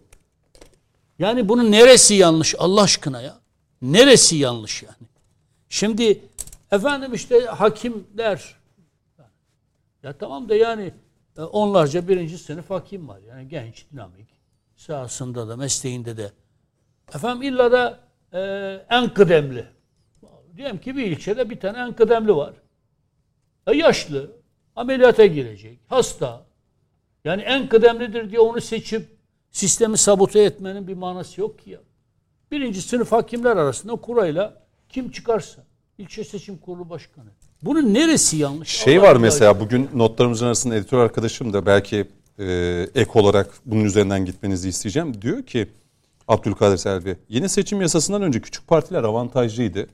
Öyle ki ittifakın yeniden kurgulanmasını teklif edecek kadar ellerini yükseltmişlerdi ama yeni seçim teklifiyle birlikte o avantajlarını kaybettiler. İşte tam ona değineceğim. Varlık ya da yokluk durumuyla karşı karşıya kaldılar ama bu durum Kılıçdaroğlu ve Akşener'in elinde güçlendirdi. Şimdi bak aslında Kemal Bey'in Ya bu iş Kılıçdaroğlu'nu rahatlatan bir durum bayan gibi gözüküyor. bayan Zafiyet'in elini güçlendiren bir şey. Yani masada oturduklarında zayıftılar. Bu seçim kanunuyla birlikte elleri güçlendi. Yani çünkü o küçük partiler kendi eşitleri olarak oturuyorlardı masaya. Kendi şartlarını dikte edebiliyorlardı. Ama şimdi şimdi ne oldu? Hatta komisyondaki görüşmelerde CHP ya da diğer muhalefet partilerinden bir önerge Yani bu seçim bu seçim kanunu aslında bizatihi CHP ile İyi Parti'ye yarayan.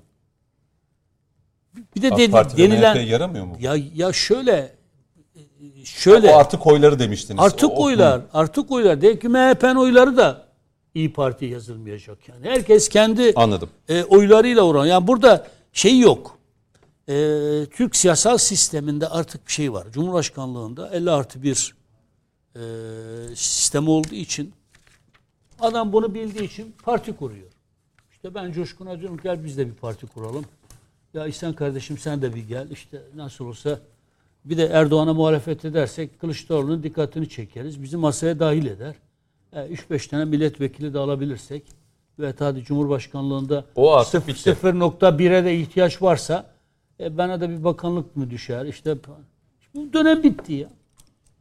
Parlamento daha bak eskiye nazaran daha adil bir temsile kavuşuyor. Temsilde adalet bir ama bana göre bana göre Türkiye Büyük Millet Meclisi bu partiler demokrasisi marifetiyle oluşturulan Türkiye Büyük Millet Meclisi asla demokratik bir meclis değildir. Asla iradesi olan bir meclis de değildir. Şimdi getirdikleri yürütme e, parlamenter sistemde yürütme aynı zamanda zaten mecliste de çoğunlukta ise yürütme ile yasama tıpkı eski parlamenter sistemde olduğu gibi iç içe. E, başkanlık sisteminde de öyle zaten. Başkanın partisi mecliste çoğunlukta ise zaten başkan ne derse mecliste ona evet oyu veriyor. Onay veriyor. Niye? Doğru. Çünkü milletvekilleri partiler marifetiyle seçiliyorlar. Nasıl yani partiler olmadan seçim yine partilerden seçim olacak ama millet cumhurbaşkanını e, doğrudan seçtiği gibi kendi vekillerini de doğrudan seçmiyor. Dolayısıyla partiler bütün partiler için söylüyorum. Sadece kendi partimiz için değil. Partiler Adıyaman'da 5 vekil seçilecekse 5 vekili milletin önüne koyduğu için o 5 vekilin 5'ini de millet sevmiyorsa ya partim zayıflamasın diye gidiyor oy veriyor partisine o millet tarafından sevilmeyen 5 vekil de o bölgenin milletvekili olarak meclise gidiyor. Ondan sonra da seçmen ulaşamıyor milletvekiline vesaire vesaire. Biz bunu gündelik hayatımızda çok yaşadık. Çok yaşadık. Hala da yaşıyoruz. Şimdi dolayısıyla partiler demokrasisinin yeni bir şey içeriye kavuşturulması lazım. Biz millete güveniyor muyuz kardeşim? Hakimiyet kayıtsız şartsız milletindir diyor muyuz? Cumhurbaşkanını doğrudan halk seçsin diyor muyuz? E güçlü, saygın, iradeli bir meclis de istiyorsak, demokratik temsile de en uygun bir meclis istiyorsak o zaman bırakalım. Milletvekillerini de doğrudan millet seçsin. Yani Siz bunu hep dile getiriyorsunuz. 5 vekilin seçileceği bir ile 25 tane isim koy kardeşim ne var yani? Şimdi Onun için ben e, şeyi çok önemsiyorum kendi adıma. Ya bu seçim kanunu e, böyle muhalefeti hani AK Parti, MHP, Hayır yok değil. öte Herkese. Peki, ya bu %10 önemli. barajı %7'ye Burada bir adalet. indirilmiş. Burada da temsilde adalet sağlanıyor. Yani seçim barajı alt daha oylar, düşük olabilirdi. hakkıysa ona bundan sonra gidecek. Öncekiyle mukayese ettiğinde bu Evet. seçim kanunu daha temsilde adaleti sağlayan daha Belki demokratik bazı bir partilerin içeriğe- birkaç milletvekili daha fazla olacak. Belki birkaç partinin Ha yani Ahmet Davutoğlu, Ali Babacan onlar tabii büyük insanlar gerçekten. Yani başbakanlık, başbakan yardımcılığı yapmışlar. E şimdi kendileri e, partileriyle girseler seçilemeyecekler. Yani Hanya'yı, Konya'yı görürüz yani. O iri laflar edenler girsinler, boyların ölçüsünü alsınlar, gitsin. Bağımsız aday olsun Ahmet Davutoğlu ve Evet, Ali Babacan. anlamında e küçük şimdi ya partilerin- CHP'den girecekler ya da ya da kendi başlarına girdiklerinde hiçbir milletvekili çıkaramayacak hale gelirler. Yani herkes boyun ölçüsünü görecek ya. Seçmen de kime ne kadar puan verdiğini görecek. Bundan daha iyi demokrasi olur mu ya? İhsan Aktaş size döneyim. Ee, bir, İyi Parti'de e, Yavuz Ağaralioğlu görevinden alındı. Koray Aydın'ın elinden teşkilatlar alındı. Teşkilatlar tamamıyla genel başkana bağlandı. Bunlar Ha e, bunlar CHP'den de girerse CHP'de de isyan çıkar ha. Diyelim ki dava girdi. İsa kusura bakma. Sen daha iyi bilirsin bunu. Biz de şimdi adam bekliyor ki CHP'den sıraya girsin. Diyelim ki davaya verdi 3 tane kontenjan. E 1 2 3 onlara. E 4. sıra CHP'li bir tane de çıktı. E 5. sıradaki nasıl çıkacak? Yıllar yıl örgütte çalışmış. E geleceğe şu kadar ver, davaya bu kadar ver, Demokrat Parti'ye bu kadar ver. CHP'ler kazan kaldırır öyle siyaset. Öyle Peki. Allah için, din iman için yapılan bir şey değil ha. Öyle hemen kazan kaldırırlar. CHP bu yükü de taşıyamaz yani.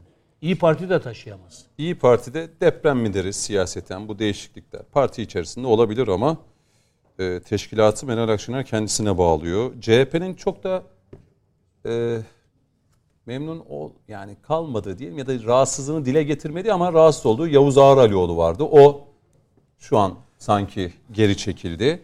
İki, e, CHP Demirtaş'ta bir şeyleri müzakere ediyor. Oğuz Kağan Salıcı üzerinden ki geçtiğimiz günlerde biliyorsunuz bir görüşüm olmuştu, bir ziyaret olmuştu, Kılıçdaroğlu'nun çıkışı olmuştu.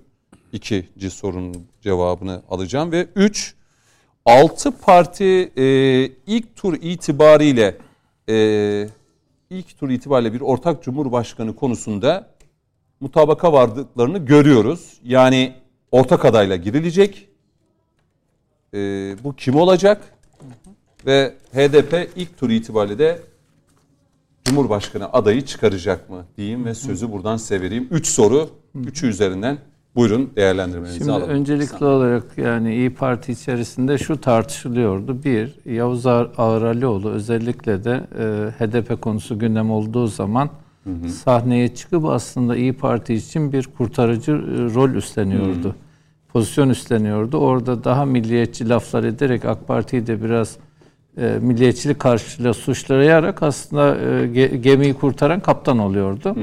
Diğer taraftan da Koray Aydın'la ilgili bir ifade kullanıyordu. Aslında adım adım teşkilatları, örgütleri kendisi için yapılandırıyor. Bir gün elini kaldırdığı zaman doğal Genel genel başkan. başkan, yani herhangi bir kongrede ben buradayım dediğinde örgüt onun için el kaldıracaktı. E, Diğer taraftan da e, bir HDP ile bir yakınlaşma ortaklığa gidildiği zaman Yavuz Ağralioğlu'nun isyan edeceği belliydi. Diğer taraftan da özellikle İyi Parti içerisindeki milliyetçi kanat da şeye sığınacaktı. Yani Koray Aydın'a sığınacaktı. Biz ne yapıyoruz? Aslında hı hı. şöyle her iki e, operasyon organizasyonda ya da her iki e, atamada ya görev değişikliği de HDP'de HDP ile İyi Parti'nin iş yapması için oluşturulmuş bir zemindir.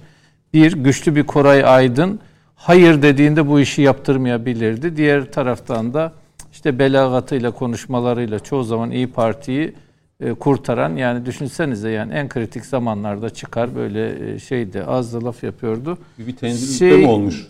Yok tenzilli rütbe değil. Görevden alma. Tasfiyedir yani. Koray Aydın için de tasfiyedir. Ya ama siyasi işler başkan.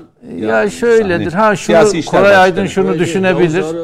Ağrıoğlu tasfiye dedi. Koray Aydın şöyle düşünebilir. Siz beni nereye korsanız korun. Örgü, koyun. Örgüt bana bağlı. Bu örgütü ben kurdum. Hı. Elimi kaldırdığım gün genel başkan olabilirim. Yani bu pozisyonu bence muhafaza ettiğini düşünüyorum.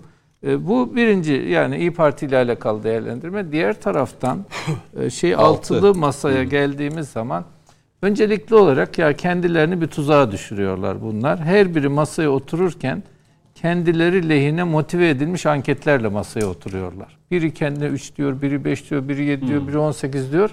Aslında motive edilmiş pozisyonlarına bakınca HDP'ye ihtiyaçları yoktur. HDP'siz girsinler alsınlar. Biri 30 oluyor, biri 18 oluyor, öteki 3 oluyor, 5 oluyor.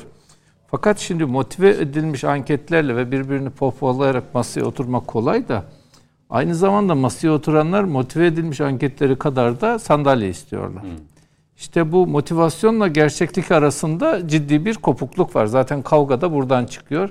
Bence bu seçim yasası Kılıçdaroğlu'nun imdadına yetişti. E, ve o e, yüzde bir oyla e, yüzde yirmi pozisyon al, alma peşinde olanları hayal hmm. kırıklığına uğrattı. Zaten siyasette gerçeklik sanatıdır. Siz ne kadar uğraşsanız uğraşın. Şimdi CHP'den seçilen bir vekile demişler ki arkadaş bu ne vefasızlık bizden seçildin meclise girdin. Ne uğruyorsun ne soruyorsun. Ya demiş ki sormayın yani hayatımın en büyük travmasıydı zaten CHP listesinden girmek. Bir de beni nezakete davet etmeyin. Ama bunlar da niyetine Cumhuriyet Halk Partisi içerisinde konuşuluyor. Valla şey toleransı büyük bir parti Cumhuriyet Halk Partisi. 10 tane şeye verir, devaya verir. 5 tane Ahmet Hoca'ya verir, 50 e, tane ona verir. Böyle bir cömertliği var Cumhuriyet Halk Partisi'nin.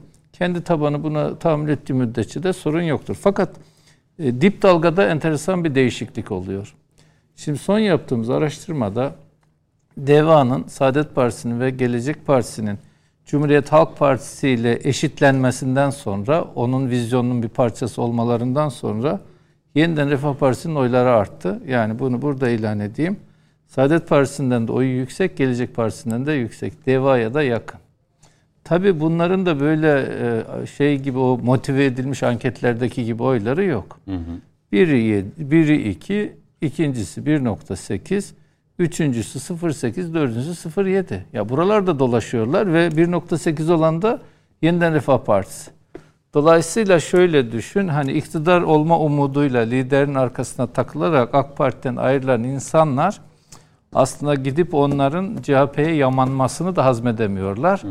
Bir kısmı muhtemelen AK Parti'ye geri dönecek bunların, bir kısmı da Yeniden Refah Partisi'nin daha ortada bir duruş olduğu hmm. için şu an ona yöneldiler. Dolayısıyla Cumhuriyet Halk Partisi ile zaten bunlar imzayı atana kadar e, ellerinde yani kalacak. Yani bir, bir buçuk oy alarak kendini dev aynasında görerek e, daha yüksek oy oranı alan partileri tahakküm altına alınan süreç attık ya bitti bir de şey için. keyiflidir. Masaya oturdukları zaman Hı. diyorlar ki Cumhuriyet Halk Partisi 30, İyi Parti 18, Deva 5, öteki 3. Tamam, tamam. işte bitti yani daha 55, 57, 60 ile işi bitirdik. O zaman HDP'ye de ihtiyaçları yok. HDP hiç konuşmasınlar. Ama şimdi o masada 5 dedikleri diyor ki bana 10 tane sandalye ver. Öteki de diyor ki tamam başbakan olsun ama işte yardımcılık da benim olsun. Ben iyi dışişleri bakanı olurum gibi. Kesinlikle. Şimdi şuradan biraz hayatın gerçekliğinden bakalım. Buyurun. Bir, önce Cumhuriyet Halk Partisi'nin adayı kim olacak? Kendi içe, içerisinde bu Kades Savaşı gibi bir şey. Yani adayı Ekrem, olacak derken altı yani altı parti mutabık. Bence Tek altı parti mutabık değil. Tek aday ama kim? İlk kavga Cumhuriyet Halk Partisi'nde olacak ki Cumhuriyet Halk Partisi'nde şöyle iki gelenek var. Bir, klasik anlamda bir bildiğimiz sol, hizipçi Cumhuriyet Halk Partisi geleneği. İki, sağ partiden gelmiş iki tane belediye başkan adayı ve İstanbul'daki adam trilyonluk bütçe yönetiyor. ve e, Cumhuriyet Halk Partililerin para biriktirme kültürleri zayıftır. Entelektüel e, biriktiricidir onlar. Hı hı. 100 milyon e, bir yere alsalar nereye koyacağını şaşırırlar. Fakat bu sağ gelenekten gelenlerin depoları derindir ve bu kaynağı e, nasıl e, bıçak gibi kullanacakları kestirilemez. Dolayısıyla İstanbul'daki adam şeyinden vazgeçmiyor. İddiasından vazgeçmiyor. Geçen şimdi şöyle iki tane manzaraya bakın abi memleketin geleceğini hayal edin. Ve Kemal Bey sen, sen de belki duymuşsundur. Ben de duydum. Bizzati toplantıda artık açık açık aleni bir biçimde e, Sayın İmamoğlu'nu e, fena halde eleştirerek tabii, tabii. yani isim zikrederek hı hı. yani bu böyle bir ayrışma ve e, çatışma bu, e, bu derin bu bir çatışma ve böyle şaka gibi bir çatışma da değil. Dediğim gibi Kadeş Savaşı. Ya şöyle bir manzarayı hayal edin. Recep Tayyip Erdoğan dünya sahnesine geçmiş. Üçüncü Dünya Savaşı'nı önleyecek bir lider pozisyonunda duruyor. Ve e, bir tane müstemleke ruhlu, köle ruhlu bir adam çıkıp diyor ki Türkiye değişiyor. Bundan sonra Avrupa Birliği ile daha uyumlu, daha köle, daha edilgen ve bizim de lütfen kabul edeceğiniz bir pozisyonda olacağız. Yani şimdi biraz Zelenski kafası. Ya Zelenski bile değil. Zelenski kurban olsunlar. Yani keşke Zelenski kadar olabilseler. Adam en azından kaçmadı. Yani bunlar ne yapacağından da emin değiliz. Diğer taraftan bir şeyi hallettik. Farz edelim ki Cumhuriyet Halk Partisi adayını belirledi ki İyi Parti kime rıza gösterecek? Yani Şimdi Kemal Bey'e rıza adayı göstermek... açıklayacak parti CHP mi olacak? Ya şöyle nihayetinde e, Cumhuriyet Halk Partisi'nin dışında bir adayın olması zaten hmm. Cumhuriyet Halk Partisi kitlesinin intiharı hmm. anlamına gelir ki yani bağımsız kişi de olsa, vasıfsız kişi de olsa ya da isimsiz kişi de olsa bu Kılıçdaroğlu olacak. Cumhuriyet Halk Partisi'nin birisi olacak. Diğer kesin. taraftan e, yani şeyler, Kemal Bey'in kendi adaylığı kesin yani. Hmm. Orada geri dönüş ha, yok. Şöyle yalnız şimdi acaba Tayyip Erdoğan'la olan dertleri ne ki? Ee, ve iki küçük partinin e, üçüncüsünden bir şey duymadım. Israrla şunu söylüyorlar. Kemal Bey olursa Recep Tayyip Erdoğan'ı deviremeyiz. Yine yeniliriz de ya Allah aşkına. Bir Cumhuriyet Halk Partisi'nin 100 yıllık rekabeti var. Yani Cumhuriyet Halk Partisi kurulduğundan beri bu milletin milliyetçisiyle, muhafızkarıyla, milletiyle bir savaşı var.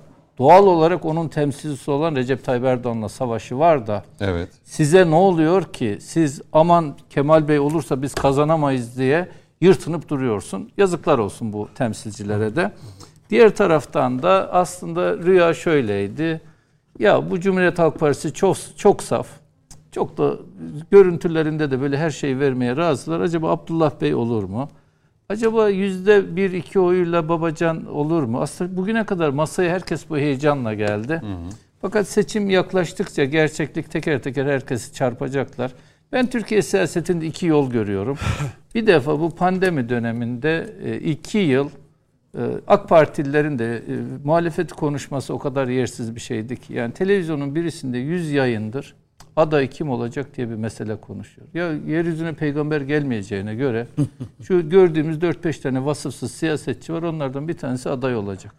Olsalar ne olur, olmasalar ne olur? Burada perdelenen şey şu. Şey olabilir mi? Hani futbolda yabancı hakem dışarıdan bir isim getirilebilir Onu da Meral Hanım en son isimsiz bir adam diye bir şey de söyledi. O zaman Ekrem İmamoğlu'na Hayır yani futbolda hep tartışırken tabii, diyorduk tabii. ya yabancı hakem gelsen. Ama yabancı hakem, yabancı biri... Yok, bir gözlemci var. Hani, bir gözlemci var uzaktan Öyle bir göz var. Hmm.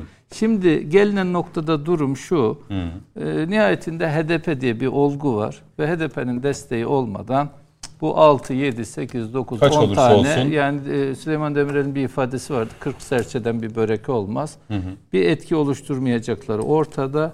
HDP'yi nasıl pozisyonlandıracağının da işte işaretlerini şimdi görüyoruz. Bir, e, Koray Aydın aslında tasfiye uğradı. İki, Yavuz Ağralioğlu hani kendisini bütün Türkiye'ye karşı İyi Parti savaşmak için yani işte milliyetçi, muhafazakar, ülkücü bir adamın hmm. düştüğü pozisyona bakın. Niye? Çünkü HDP ile ortaklık yaptıklarında hır çıkaracak ama bu hır çıkaracaklar bugünlük bu kadar. Hmm. Yarın da neler olacağını görmüş olacağız. Bu arada kaybolan ne? Bizim e, kaybettiğimiz ne?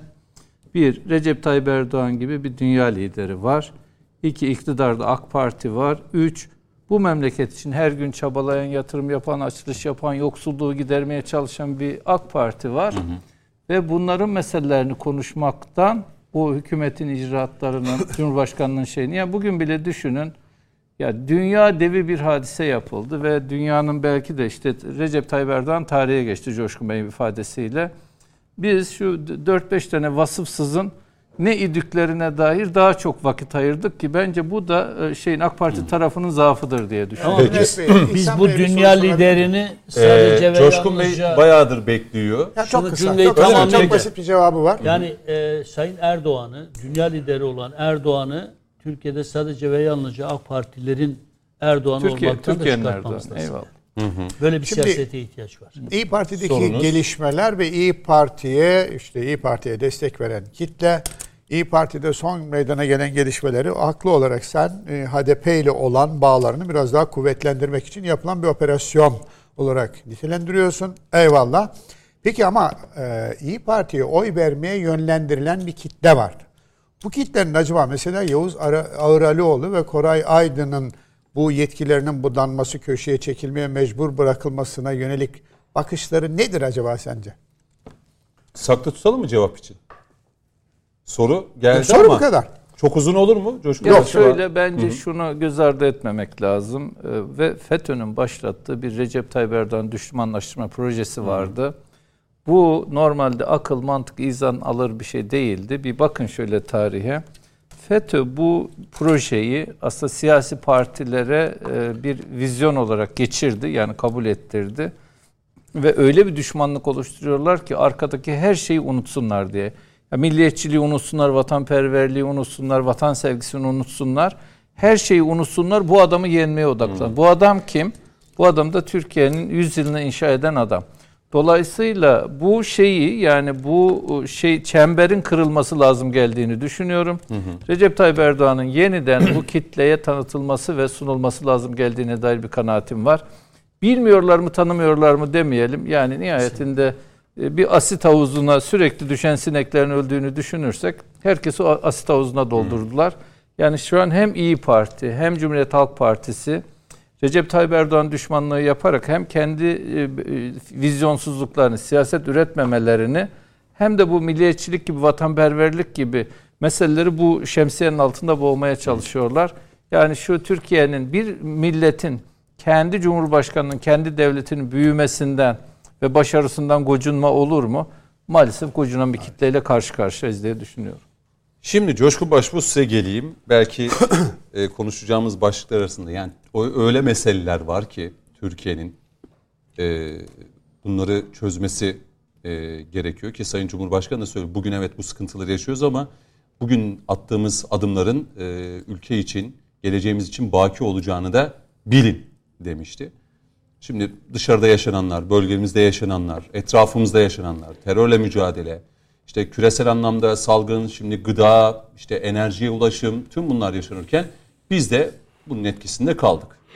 Şimdi tüm biz bunlarla uğraşırken bir muhalefetin yoğurt, yulaf ve hurmaya takılıp kalması. Ya burada şeye girmeyeceğim yani detaylandırmak da istemiyorum. Gerçekten çok ucuz bir siyaset gibi ama e, buradan sözü size versem muhalefetin e, siyasette nerede kaldığını, hangi aşamada yani o aşamayı bir türlü geçemiyor, ötesine gidemiyor. Biz neler neler konuştuk işte program başladığından beri. Ama muhalefetin ki pek çok konuda yani işte sadece bu değil en son yoğurt, hurma ve yulaf siyasetini söylemiyorum. Pek çok konuda da hep e, işi manipüle etmeye çalıştığını da biliyoruz. Sürpriz mi? Yani başında- yoğurt, hurma, yulaf. Başından sonra zaten Faik Öztürk şu an. Hani Tüm enerjisini koyun- yoğurt, bal ve e, yok yoğurt, yulaf ve hurmaya vermiş durumda. Koyun da Hesaplamalarını Laf mı yapıyor. kestane balı mı? koyun Kestane balı da Şimdi ekliyor. yoğurt, hurma ve yulaf var. Bir, bir kaşık Bilmiyorum. kestane balı da var. Evet. Yani şu Bir an çay kaşığı. Çay kaşığı. evet. Tabii. ciddi Onu niye imal ediyorsun? Hayır, ciddi hesaplamalar yapıyor. Ben de dedim herhalde bu hani Ha, Ben bu bu Ramazan'da işte deneyeceğim. 150 Ben gram yulaf şu kadar işte bilmem iki tane hurma böyle fiyatlarının karşılığını şey yaparak Sayın Cumhurbaşkanı'nın konuşmasında benim hatırladığım e, manda yoğurdu vardı, e, kestane balı vardı bir çay kaşığı kadar ve 2-3 tane de Medine hurması Ha, vardı. öyle mi? Yulaf falan nereden çıktı acaba? bu. Yulaf vardı vardı. Var. Var mı? Ya ben bunu bir tarafa bıraktım. Şu yani ülkenin Kendi muhalefetin yediklerinin belki kebabının fiyatını açıklıyorlar mı acaba? Balıkların. bu beni ilgilendirmiyor ama şu var yani Bence, bu- bence çilingir Muha- sofrasını sormak Şimdi lazım. Faik Yani Öztürk bu ilk- yani Millet, Millet İttifakı'nda herhalde seçilse belki ekonomiden sorumlu bakan olabilir Hazine ve Maliye. Aman. Allah Öyle değil mi. Sayın Aktaş? Hani öyle. Ya ben gündüzün bir Babadan, dededen bile kalma bir şey zır-. Zırva tevil götürmez diye ama yine Coşkun abi tevil edecek ne yapsın? Tamam.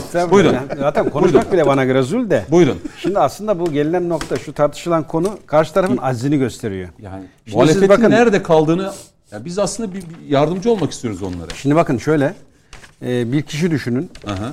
Dünya lideri, ülkenin başında bir kişi ve bir cana sürekli 24 saat gözetliyor. Bulduğu en ufak açığı lanse etmek üzere tetikte bekliyor. Şimdi o kadar işin içinde binlerce iş dönüyor. Yani yüzlerce uğraş var. Bula bula bir manda yoğurduna mı kaldınız diye insan bunu oturur sorar. Çünkü karşı taraf e, baştan sona ilk başta da programın başında da vurguladığımız gibi e, eleştirmeye, e, çürütmeye, e, bir takım yaftalar icat etmeye odaklanmış. Ona göre programlanmış. Fakat dediğim gibi e, bir şey bulamadıklarından herhangi bir kulp takacak e, konuyu yakalayamadıklarından ağızdan çıkan böyle bir iki kelime oyunuyla cambazlık yapmanın derdindeler. Ben bu meseleyi böyle görüyorum. Cumhurbaşkanı gerçekten çok iyi niyetli, halklı halk olan, köylüyle köylü olan, vatandaşa vatandaş olan bir lider. Çat kapı giriyor. Getir ne varsa sofranda kur yiyelim diyor. Bunlar hiç Türkiye Cumhuriyeti'nde Atatürk'ten bu yana görülmeyen hadiseler.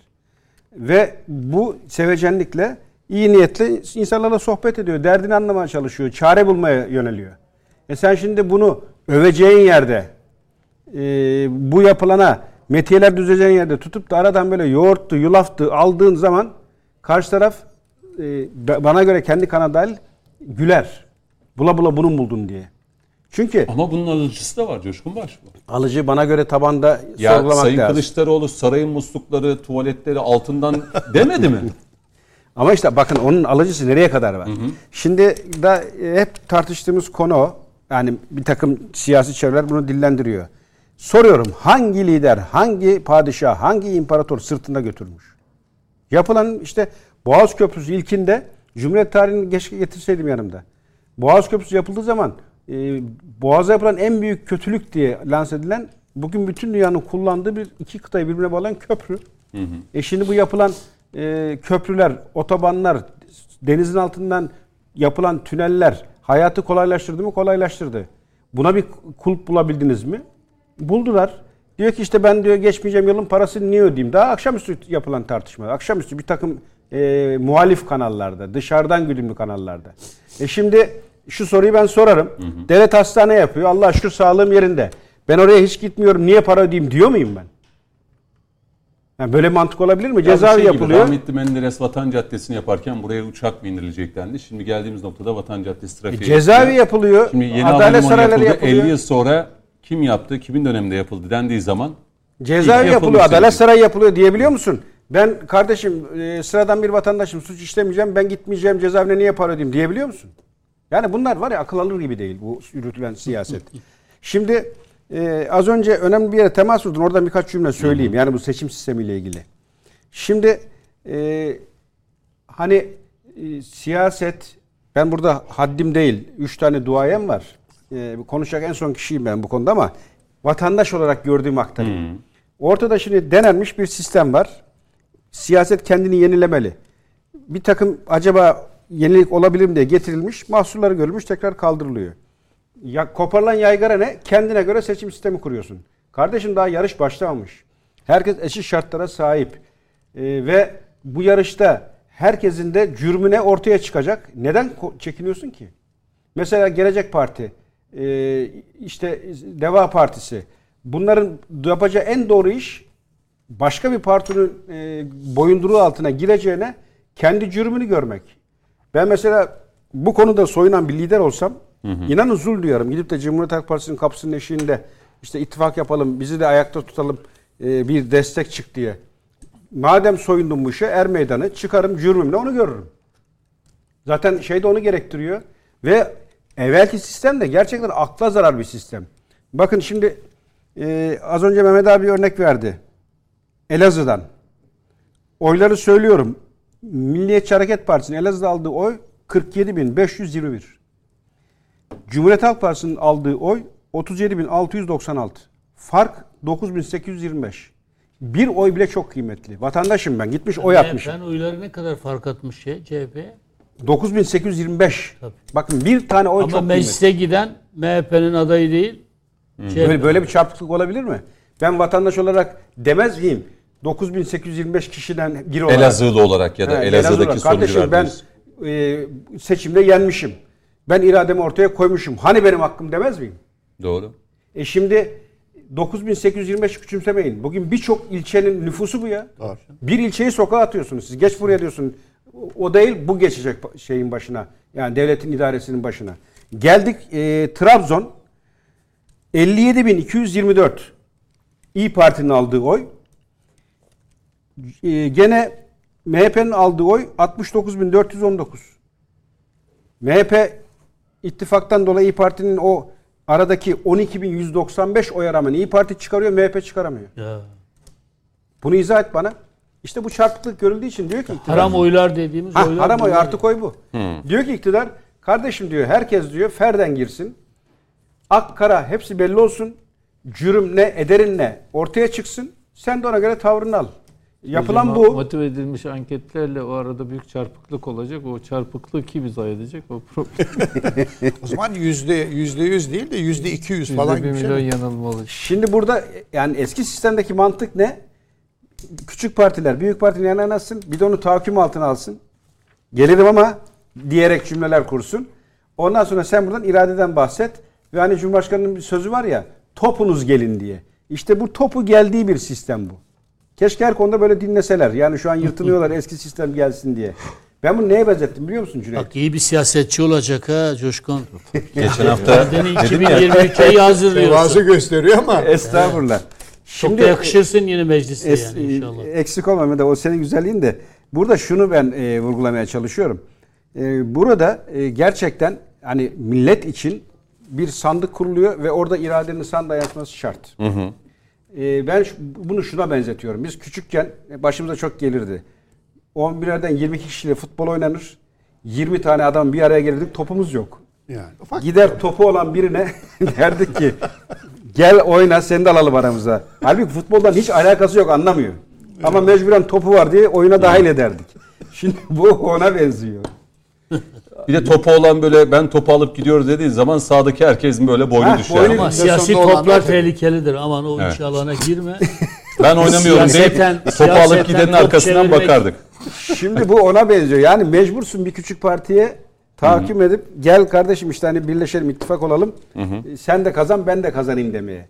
Oysa doğrusu bu değil. Doğrusu herkesin verdiği oyun kıymet kazanması ve sahada gerçekten de kim ne aldıysa e, Temsilde de adalete olarak- katkı Ha, sağlayacak işte bu kadar. yeni seçim kanun teklifi. bu.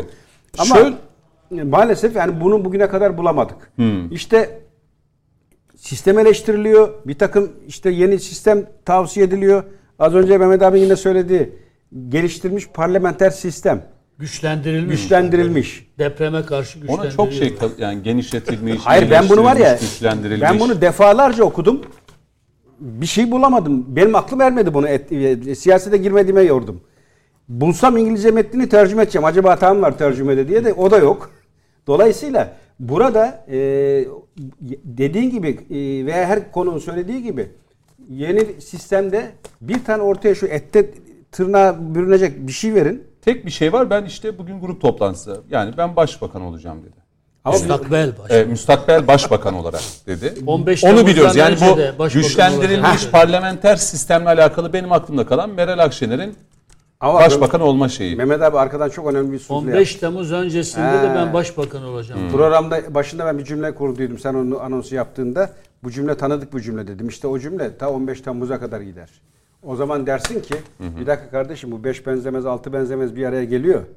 Ee, Ekrem abinin ifade ettiği gibi. Ya birisi- herkes HDP'nin Kandil'in partisi olduğunu söylüyor da İyi Parti'nin nerenin partisi, kimin partisi olduğunu niye söylemiyor yani?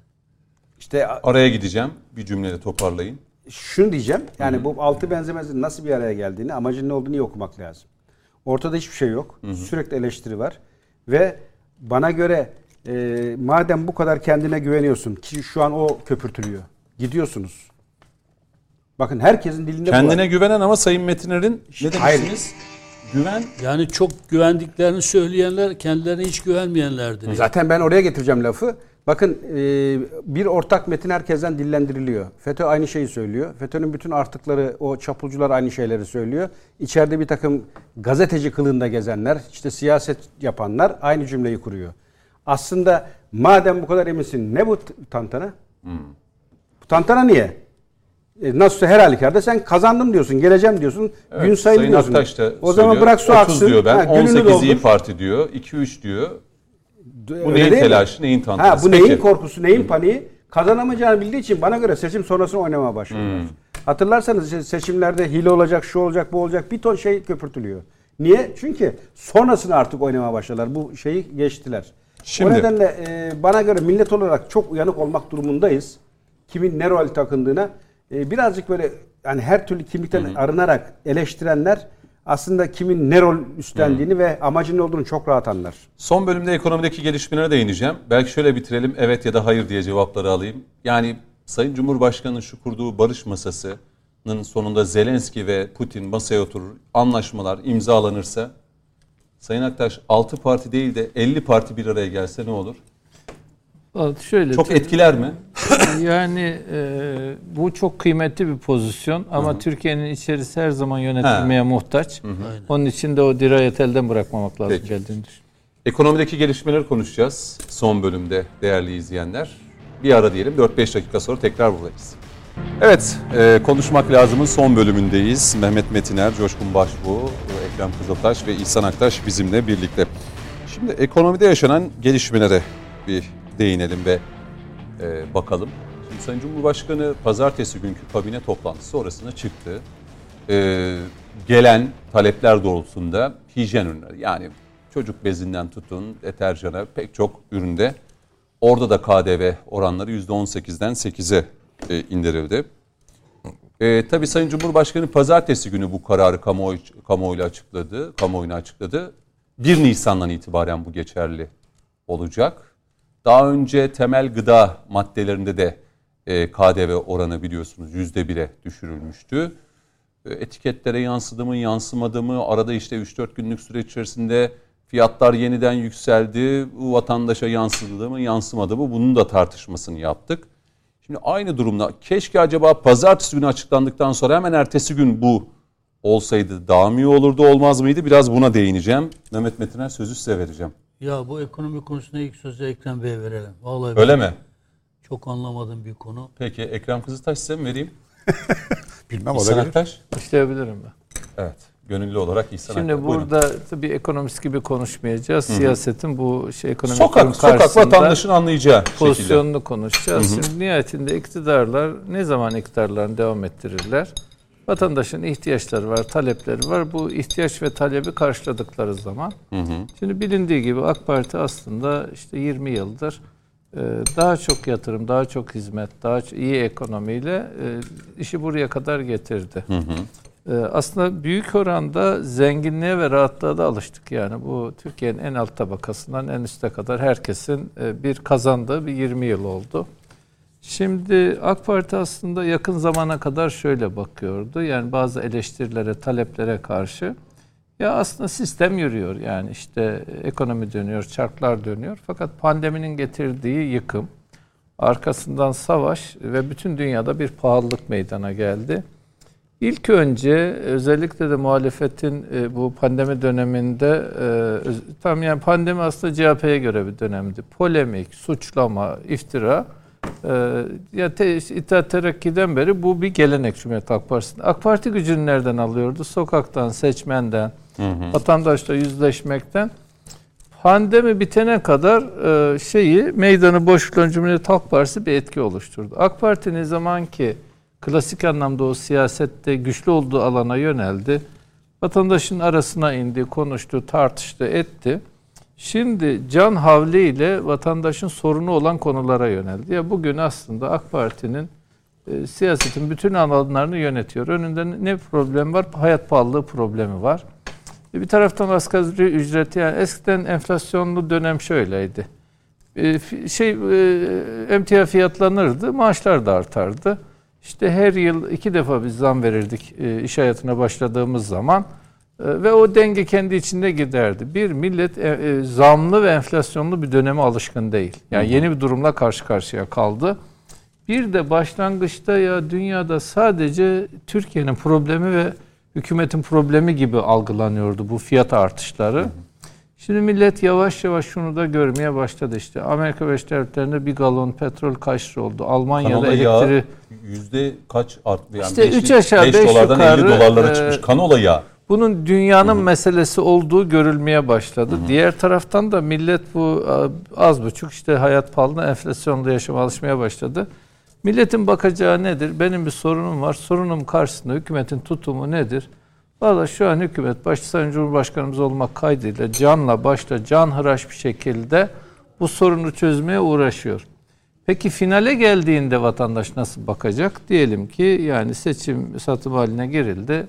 Seçime 3 ay 4 ay var. Önüne iki tane tablo çıkacak. Bir, 20 yıldır bu işi yapmış, çalışmış AK Parti ve onun lideri. İki, işte 5-6 partinin artı 7 artı 9 partinin milletin önüne koyacağı vizyon ve kişi. Yani ikisini bakacak, mukayese edecek. Ya benim meselemi hangisi çözer dediğinde daha makul olana, daha doğru olana yönelik bir tercihte bulunacak. Ha, vatandaş bütün bu yapılı bedle bana diyorlar ki ya işte Çanakkale'de köprü açtı.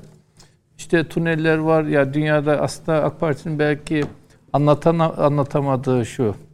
AK Parti sadece yol yapmıyor. Aslında bir lojistik ekosistemi kuruyor. AK Parti sadece hastane yapmıyor. 100 yıl yani şu an dünyada Türkiye kadar altyapısı, altyapı yatırımları yeni ve güçlü olan başka bir ülke yoktur. Ne Almanya böyle ne Amerika Birleşik Devletleri böyle. Yani AK Parti aslında her alanda 100 yıllık Türkiye'nin altyapısını kurdu. Büyük Türkiye'nin altyapısını kurdu.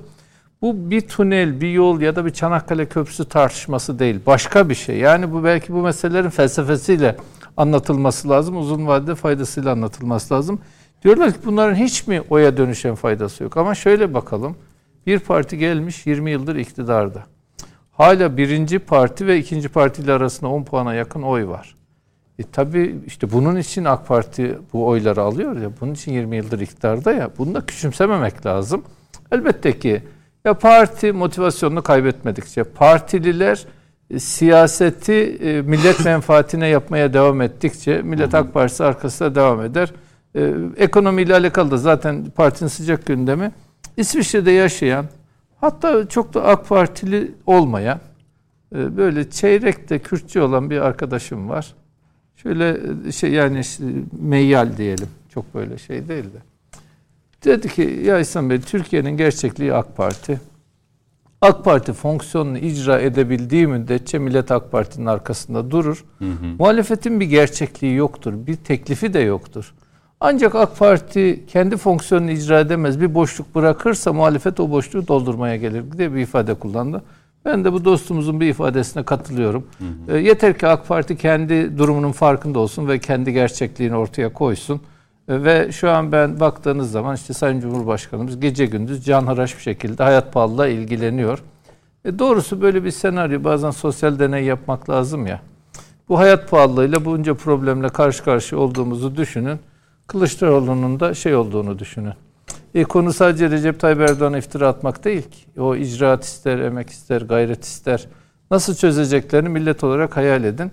Şimdi e, şeyden bahsediyorlar. Hani bolluk gelecek. Milletin bir şeyi vardır. Marka bir atasözü vardır. Geldi İsmet, kesildi kısmet. Bu budur yani tek parti döneminde milletin atasözü gibi kullandığı bir şey vardır. Şimdi geldi mi İsmet söylemiş yoksa bir e, halk halk söylemiş. Ha, hı hı. Yani geldi İsmet, kesildi kısmet. Sözünden sonra CHP gelince nasıl bereket gelecek doğrusu onu da merak ediyoruz. Şimdi sözü Ekrem Kızıltaş'a vereyim. Sayın Metiner hala topa girmek istemiyor. Yok Şimdi- yani İhsan kardeşimin konuştuğu şekilde siyaset ağırlıklı konuşurum. Çünkü sen ekonomiyi sordun, KDV, MADV. Onu biraz üstadımız daha iyi bilir. Estağfurullah. Ee, Ekrem Bey. Hayır yaşanan gelişme üzerinden. Eyvallah. Genel bir gözler- ekonomi değerlendirmesi. Bütün Türkiye'nin gözleri sizin üzerinizde abi. Estağfurullah. Ağzınızdan çıkacak ekonomik bir cümle. Ya bize bir faydası söylediği- olacak mı ya bu indirimlerin? Yok Kesinlikle. fayda derken hani devlet ciddi anlamda bir mücadele veriyor. Yani yani şimdi temel ihtiyaç gıda, bu hijyen devletin e, bu kalemlerden aşağı yukarı bildiğim kadarıyla İhsan Aktaş 200 milyar TL gibi değil Ama mi? işte bu bizim cebimize mi Heh. gidiyor yoksa gene işte gidiyor? sat- Devlet alacağı vergiden e, fedakarlık ediyor. Neden? İşte toplumda e, gerek salgın sebepleri, gerekse ekonomik saldırı sebebiyle ülkede yaşanan bir kırılganlık var. Devlet bu, bu dönemde kendi hesabını kitabını yapıp toplumu rahatlatmak amacıyla bu türden tedbirler alıyor. Tabii bir yandan da birileri mevzuattaki boşluklardan faydalanıp bu tedbirleri işe yaramaz hale getirmek için çeşitli saldırılar düzenliyor. Şimdi İhsan'ın söylediği e, geldiği ismet, e, kesildi kısmet sözünün başka bir versiyonu var. Genelde Türkiye'de sol partiler bereketsiz olarak kabul edilir.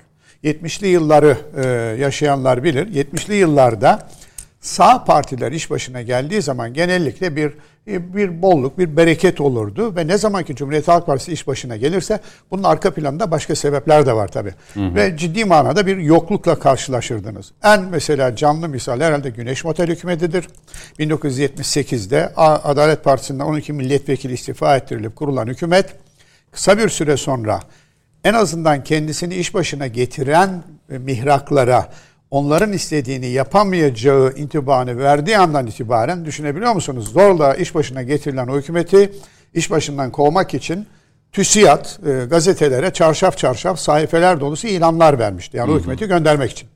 Buna rağmen Ecevit hükümeti gitmemekte ısrar edince bir anda gaz, benzin, mazot, ardından margarin, ardından e, sıvı yağ, ardından sigara, ardından çimento. Yani her şey bir anda yok olmuştu. Şimdi var olan bir şeyin pahalı olması sıkıntıdır ama bir şeyin olmaması daha büyük bir sıkıntıdır. Düşünebiliyor musunuz? Ülke aylarca e, karneyle mazot dağıtılmasına sahne oldu. Benim rahmetli babam da Ordu'da işte mazot dağıtan ekipteydi. Dolayısıyla babam bir anda önemli insan haline gelmişti. Niçin? İşte 20 litre 30 litre mazot almak için günlerce sırada bekliyordu insanlar. Bu dönemler yaşandı. Burada geldi İsmet, e, kesildi kısmet sözü ve Cumhuriyet Halk Partisi'nin bereketsizliği bunun galiba en açık örneği. Bereketsizliğin bugünkü versiyonu da şu. Biraz önce mesela e, bir takım şeylerden bahsediyoruz. Diyelim ki yap işlet devletle yapılan projeler var. Devasa projeler bunlar. Basiti ne?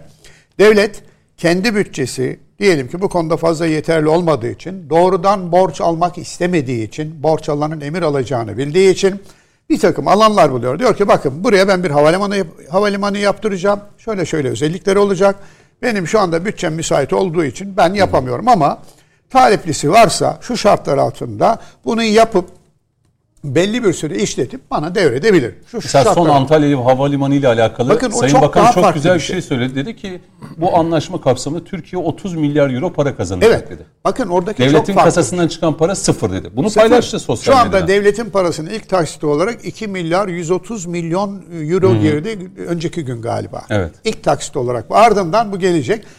Antalya Havalimanı farklı bir örnek. Neden? Orada hiçbir garanti falan yok. Devletin hiçbir garantisi yok. Onlar bu işin önemli olduğunu görüp bu işe girdiler. Bütün şey ondan. Devlet de bu arada onlardan kira alacak. İlk taksidi de aldı. Şimdi bakın bunun dışındaki bütün projelerle alakalı Cumhuriyet Halk Partisi ve onunla beraber yürüyenler kirletme siyaseti gidiyor. Vay geçmediğim köprüye ne yapar ödüyorum. Biraz önce Coşkun Bey'in dediği gibi. İyi de ben hastaneye gitmediğim halde ben oraya para ödüyorsam sen de bunu öde. Şimdi geçmediğimiz köprüye para ödemek, kullanmadığımız yola para ödemek dediğiniz zaman işte ben İstanbul'dayım. Evet. Burada vergimi veriyorum. Evet. Hakkari'ye yol yapılıyorsa kardeşim bana ne ben orayı kullanmıyorum ki demek tuhaf bir durumdur. Şimdi kirletecek bir şey bulamayınca insanlar buna başvuruyor. Totalde ne durum? Türkiye son 20 sene içerisinde yanlış hatırlamıyorsam 37 milyar dolarlık yap işlet devlet sistemiyle yatırım yapmış. Ama bakın bunun Türk ekonomisine katkısı mesela belli bir alanda 360 milyar dolar olmuş. Başka bir alanda işte e, bir o kadar para olmuş ve bu arada istihdama da 1 milyon kişi katkısı olmuş bunun. Peki devlet bunun karşılığında ne vermiş? Aslında hiçbir şey vermemiş. Neden? Şu anda sadece zannediyorum Çanakkale Köprüsü yeni yapıldığı için belki bir iki ay sıkıntı olabilir garanti geçişleri konusunda. Fakat Osman Gazi 2021'in başından itibaren günlük 40 bin geçiş garantisini fazla fazla karşılıyor. İzmir Otobanı karşılıyor. Yavuz Sultan Selim birkaç sene sonra artık devlete geçecek. Bunun dışında Avrasya biraz bazı kısıtlamalar dolayısıyla kısmi bir problemi var diyebiliriz. Ama en de sonunda hesaplamalar şunu gösteriyor. 2024'ten itibaren bütün yap işlet devlet projeleri optimum noktaya ulaşacak ve artık bırakın yani geçiş garantisi falan filan konusunu karşılamayı tamamen hazineye para getirir hale gelecek. Yap Mesela İstanbul devlet Havalimanı. Hı hı. Şimdi bütün bunları aslında ilgililer sık sık anlatıyorlar ama zannediyorum anlama konusunda özellikle muhalefetin ciddi bir problemi var. Onlar bu işi kirlettikçe insanların anlaması da zorlaşıyor. Mesela İstanbul Havalimanı. Olay ne? Belli bir uçuş garantisi var, kişi garantisi var. Eyvallah. Ama 2019'dan itibaren bunu karşılıyor zaten açıldıktan beri. Artı garantiyi karşıladığı gibi üstte 2020'de mesela 22 milyon avro üstte para aldı devlet. Ha, asıl önemlisi de şu. İstanbul Havalimanı için devlet 25 kuruş harcamadığı halde artı 22 milyon, 23 milyon belki geçtiğimiz sene daha fazlaydı. Bunları aldı. Her sene 1 milyar avroda kira alıyor. 22 sene boyunca her sene 1 milyar avro kira alacak ve o e, o havalimanından uçacak kişi garantisinin üzerine çıkan paralar da bu belki önümüzdeki sene 100 milyon 200 milyon euro olacak. Bunu bilmiyoruz. Dolayısıyla bütün projelerde böyle bir taraf var. Ne söylüyorlar? Her ağzını açan beşli çete, beşli çete, beşli çete diyor. Ben bunu Sayın Ulaştırma Bakanı'na bir gün yarı şaka sordum. Dedim ki ya nedir bu beşli çete hikayesi? Güldü. Dedi ki bizim Ulaştırma Bakanlığı olarak Türkiye genelinde iş yaptığımız 1100 tane müteahhit var. Bu beş şirkette bunların içinde. Ve dedi birilerinin beşli çete falan dediği şeylere bakın. O büyük ihaleler alanlara bakın. Bunların bir kısmı CHP'li. İşte en son Çanakkale ihalesi dört şirketin oluşturduğu bir konsorsiyum. İki tanesi Güney Koreli. Birisi yapı merkezi, birisi de hangisiydi firmanın? Limak. Limak.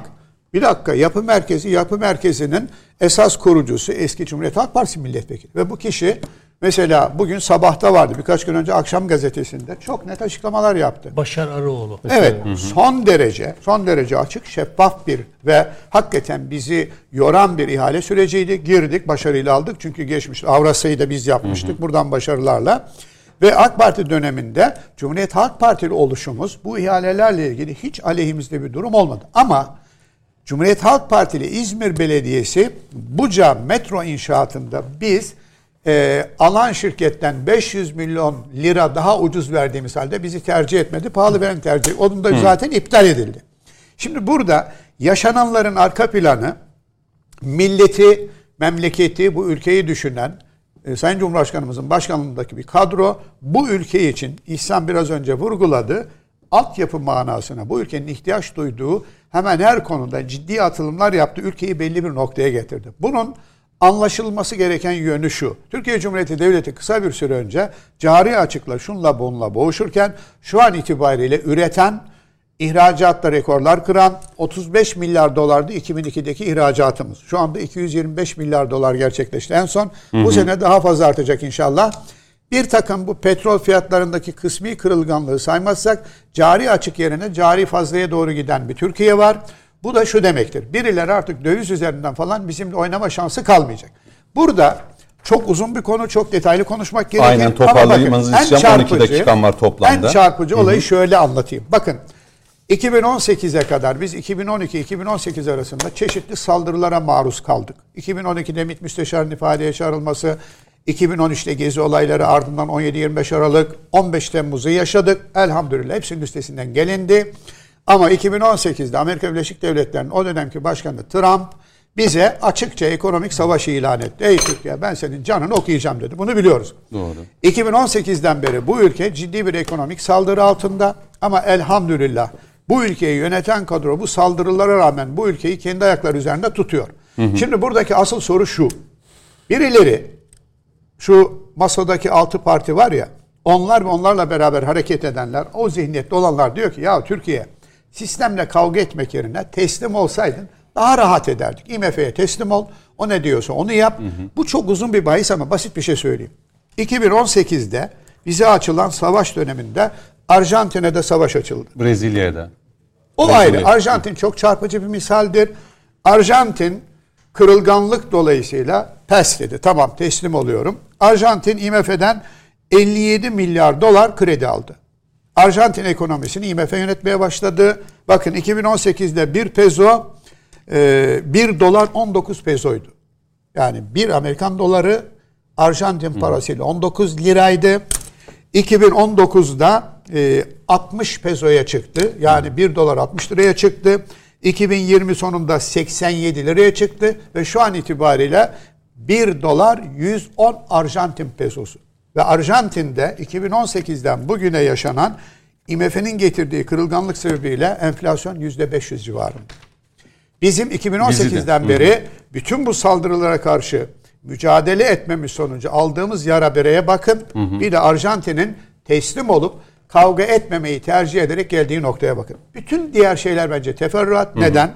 Bu ülkenin başında bizden biri olan, bizim gibi düşünen, bizim gibi yaşayan, bizim gibi bizim gibi inanan ve bu ülkeyi kendi ayakları üzerinde tutma kararlılığı olan bir cumhurbaşkanı ve onunla beraber çalışan bir kadro var. Bunlar 84 milyonu fert fert her birini düşünerek ona göre adımlar atıyor, ona göre bir şeyler yapıyor. Bu arada dışarıdan saldıranlara içeriden destek atan birileri de var. Onlar da atılan bu her adımı ellerinden geldiği kadar kirletmeye çalışıyorlar. Ama ben eninde sonunda inşallah Türkiye'nin kendi ayakları üzerinde durma mücadelesinin başarıya ulaşacağına inanıyorum. Peki. Ee, Sayın Metiner size belki ekonomideki gelişmelerle alakalı e, şu cümleyle yani özellikle Türkiye'nin e, iyi ilişkiler kurduğu ülkeler var. Ekonomik anlamda güçlü ilişkiler olan ülkeler var. Katar bunlardan birisi. Sayın Kılıçdaroğlu grup toplantısında Katar aşkından derhal vazgeçin dedi bir kez daha. Ee, iki ülke arasında ekonomiden tutun da pek Bak çok şöyle hiçbir e, devlet adamı kendi ülkesine ihanet etmez ya.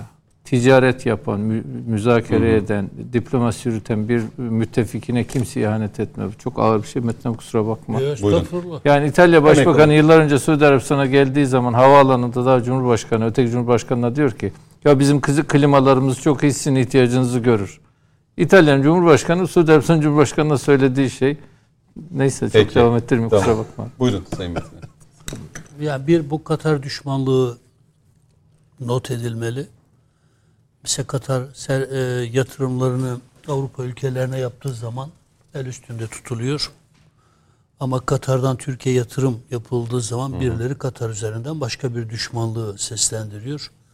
Bu çok ilginç yani. Mesele Katar meselesi değil. Gezi'deki 3-5 yaş olmadığı gibi Katar üzerinden başka bir zihniyet e, sergileniyor. Düşmanlık sergileniyor. Yani e, paranın dini imanı olmaz diyenler kendileridir. Yatırımcının dinine imanına bakılmaz diyenler yani kendileri. Katar eğer ülkemizi yatırım açısından daha cazip görüyorsa e, buna teşekkür ederiz. Bunu neden bu cümleden size verdim pası? Bugün e, Sayın Kılıçdaroğlu şey demişti. Bu kur politikalarından, maceracı para ve kur politikalarından vazgeçin. Kur korumalı mevduata derhal son verin. Faizleri Hazineyi yükseltin. ölçüsüz yük altına sokan kamu özel işbirliğine son verin. Katar aşkından da derhal Tamam, vazgeçin. hay hay. Önerileri buydu. Tamam biz Kemal Bey'in Ekonomideki- önerilerine saygıyla karşı hepsinden de vazgeçelim. Ama Kemal Bey bize ne öneriyor? Önce Kemal Bey'den vazgeçelim. Teslimiyet. Yani ne öneriyor bize? Tamam Katar aşkından vazgeçelim. Amerika'ya mı aşık olalım? Kamu Ya özel işbirliği yap Hocam, işlet devletten yani Kemal. Bey- Erbakan Hoca'nın bir ifadesi vardı. Gavur aşıklığına alışkın oldukları Ya için şimdi başka aşk Amerikan e, aşkından vazgeç desek, Amerikan aşkı solculukla bağdaşmaz desek Kemal Bey bize gönül koymaz mı? Yani mevcut sisteme e, neyinize dayanarak meydan okuyorsunuz diyen bir Kemal Bey'in solculuk iddiası paradoksal bir şey değil mi? Solculuk meydan okumadır yani çok radikal bir biçimde meydan okumadır. E sen NATO'yu demokrasinin güvencesi olarak bize takdim ediyorsun. E bir de solcuyum diyorsun yani. Bu nasıl bir paradokstur ya? NATO NATO demokrasinin güvencesi Tabii, diyor Kemal demiş, Bey. doğru. E, Doğru. S-400 füzelerini iade edelim diyor. Niye? Amerika istemediği için. Yani Amerika'nın her istediğine evet diyen, her istemediğine de ne yapan bir e, Kemal Kılıçdaroğlu zihniyetinin e, Katar aşkı üzerinden Türkiye'leştirmesi hakikaten e, solculuk adına e, çok Niye paradoksal bir şey. Bir de Amerika niye Suudi Arabistan'ı çok sever?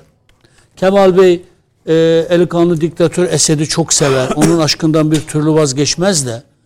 Türkiye hiç düşman olmayan, tam tersine Türkiye dostluğuyla bilinen ve yatırımlarıyla da Türkiye destek sağlayan Katar düşmanlığının iğnesidir yani. Kemal Bey Ama sadece Katar değil burada hazine yani yap işlet devlet kamu özel işbirliğini de sonlandırın. sonlandıralım tamam ama Kemal Bey şunu da cevabını versin. Siz Kemal Bey İstanbul'da Büyükşehir Belediye Başkan adayıydınız. Katıldığınız bir televizyon programında size sordular. Dediler ki siz bütün bu projeleri nasıl yapacağınızı bize anlatır mısınız? İstanbul Büyükşehir Yap Belediyesi'nin bütçesi buna yetmez çünkü dedi. E siz ne dediniz? Ya dünya yeniden mi keşfedeceğiz? Tabii ki yap işlet devret modeliyle yapacağız. E şimdi ya Kemal Bey bir şey karar verin. Yani siz bir şey söylediğinizde doğru, bir başkası aynı şey söylediğinde yanlış olmaz. Ha şunu diyebilir Kemal Bey. Ben yap işlet devlet modelinden yanayım. E ama içini şöyle doldurma koşuluyla. Kemal Bey onu da söylemiyor. Karşıyım diyor. E karşı olduğun şeyi Büyükşehir Belediye Başkanı adayken nasıl savunuyorsun Kemal Bey? Bir diğer husus bakınız Başar Arıoğlu gerçekten çok önemli bir şahsiyet. Kendisini tebrik ediyorum. Yani milliyetçi, bu ülkeye aidiyeti olan e, CHP'li bir aileden geliyor. Hı hı. Çanakkale Köprüsü'nü yapan e, önemli bir firmanın da sahibi. Teknik Türkiye'nin büyük projelerinde de yer alan bir Teknik şey. yapının sadece Çanakkale Köprüsü'nde değil, hükümetimizin pek çok, pek çok dünyanın, projelerinde. Dünyanın dört bir yanında. Şimdi mesela onun evet. söylediği bir şey var. Solcuyum diyerek solcu olunmuyor. Yani Kemal Bey'in solculuğu da kendinden menkul yani. Yani solcu demek de insan solcu olmaz Kemal Bey. Bir solcu insan anti-emperyalist olur. Siz Suriye'nin kuzeyinde Amerikan oluşturduğu bir paralel e, terör devletine herhangi bir itirazda bulunuyor musunuz? Yok. Peki e, siz Doğu Akdeniz'de, Libya'da emperyalistlerin oyunlarını bozan bir Türkiye'nin yanında mı yer alıyorsunuz? Yoksa emperyalizmin uşaklığını yapan, Türkiye'de düşmanlık yapan güç odaklarının yanında mı hizalanıyorsunuz? Yani Kemal Bey'in solculuğu hı hı. gerçekten yeryüzü ölçeğinde eşimenende bulunmayan bir solculuk. Bir diğer husus mesela Çanakkale Köprüsü. Ya Allah billah aşkına ben de geçen bir şey yaptım. Ee, 12 yıl boyunca sıfır evet. geçiş olsa, sıfır geçiş var ya hani garanti evet. kapsamında Hı-hı. verdiğimiz işte bir günde e, şu kadar geçiş olmasa şu ödenecek. Hesapladık. Sıfır geçiş olsa ve her gün hükümetimiz sıfır geçiş olduğu için bu ödemeleri yapsa 12 yılda ödediği parayla, parayla sen zaten bu köprüyü ancak yapabiliyorsun. Doğru. Ve 12 yıl sonra... Garip olan şu değil mi Sayın Metiner? Yani sonuçta devlet hazineyi belirlerken vatandaş alınan vergilerle değil mi? Hayır 12 Şimdi yıl benden sonra... alınan vergilerle bu ülkede okul yapılıyor mu? Tabii. Hayır hayır. 12 yıl sonra zaten bu köprü senin olacak. Hayır yapılıyor. Hepsi yapılıyor da köprü ya da yani, bu dev projeler yapılınca bit, iş buraya getirilince... Bitiriyorum. Bugün Hı-hı. Adil Kara İsmailoğlu e, Ulaştırma Bakanımız ki bence bu ülkenin e, en iyi bakanlarından biri. Yani teknik anlamdan da en iyi beyinlerinden biri.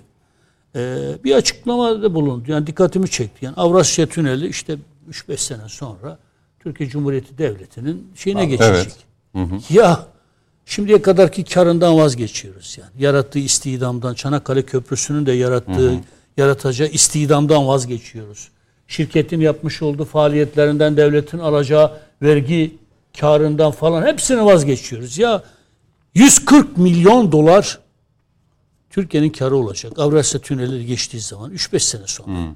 Ya 5 kuruş para harcamadan hem istihdam alanı oluşturuyorsunuz hem o firmanın gelirlerinden vergi alıyorsunuz hem de kar elde ediyorsunuz. İşte Ekrem e, üstadımız söyledi. Havalandan şu an almaya başladı, kar etmeye başladı. E, bittikten sonra da tamamen devletin oluyor. Ya e, onun için ez cümle şunu söylüyorum. Şimdi, affedersiniz Mehmet bir, bitirsin. bir, bir, bir cümle Hı. ilave edeyim de bakın Yap işlet devlet projelerin Mehmet çok güzel söyledi. Yap işlet devlet projelerin özelliği şu. Mesela Osman Gazi Köprüsü. İşte kaç yıl kullanılacaksa o, o sürenin sonunda devlet teslim alacak. Bu süre içerisinde hiç araç geçmese ki az önce söyledim Osman Gazi Köprüsü garanti kapsamının çok ötesinde. Kesinlikle. 40 bin araç yerine herhalde 50 bin civarında araç geçiyor günde. Çanakkale'yi de çok kirletmeye çalışıyor. Ya burada günde 10 bin 8 bin. Şu anda Çanakkale'nin ortalaması 30 bin. Yani o bölgenin ne olduğunu, Türkiye'nin hareketliliğinin ne olduğunu bilmeyenler konuşuyorlar. Dertleri şu. Türkiye'nin lehine hiçbir şey yapılmasın. Katar'a niye kızıyorlar? Ya Türkiye ile çok iyi işbirliği yapıyorsun.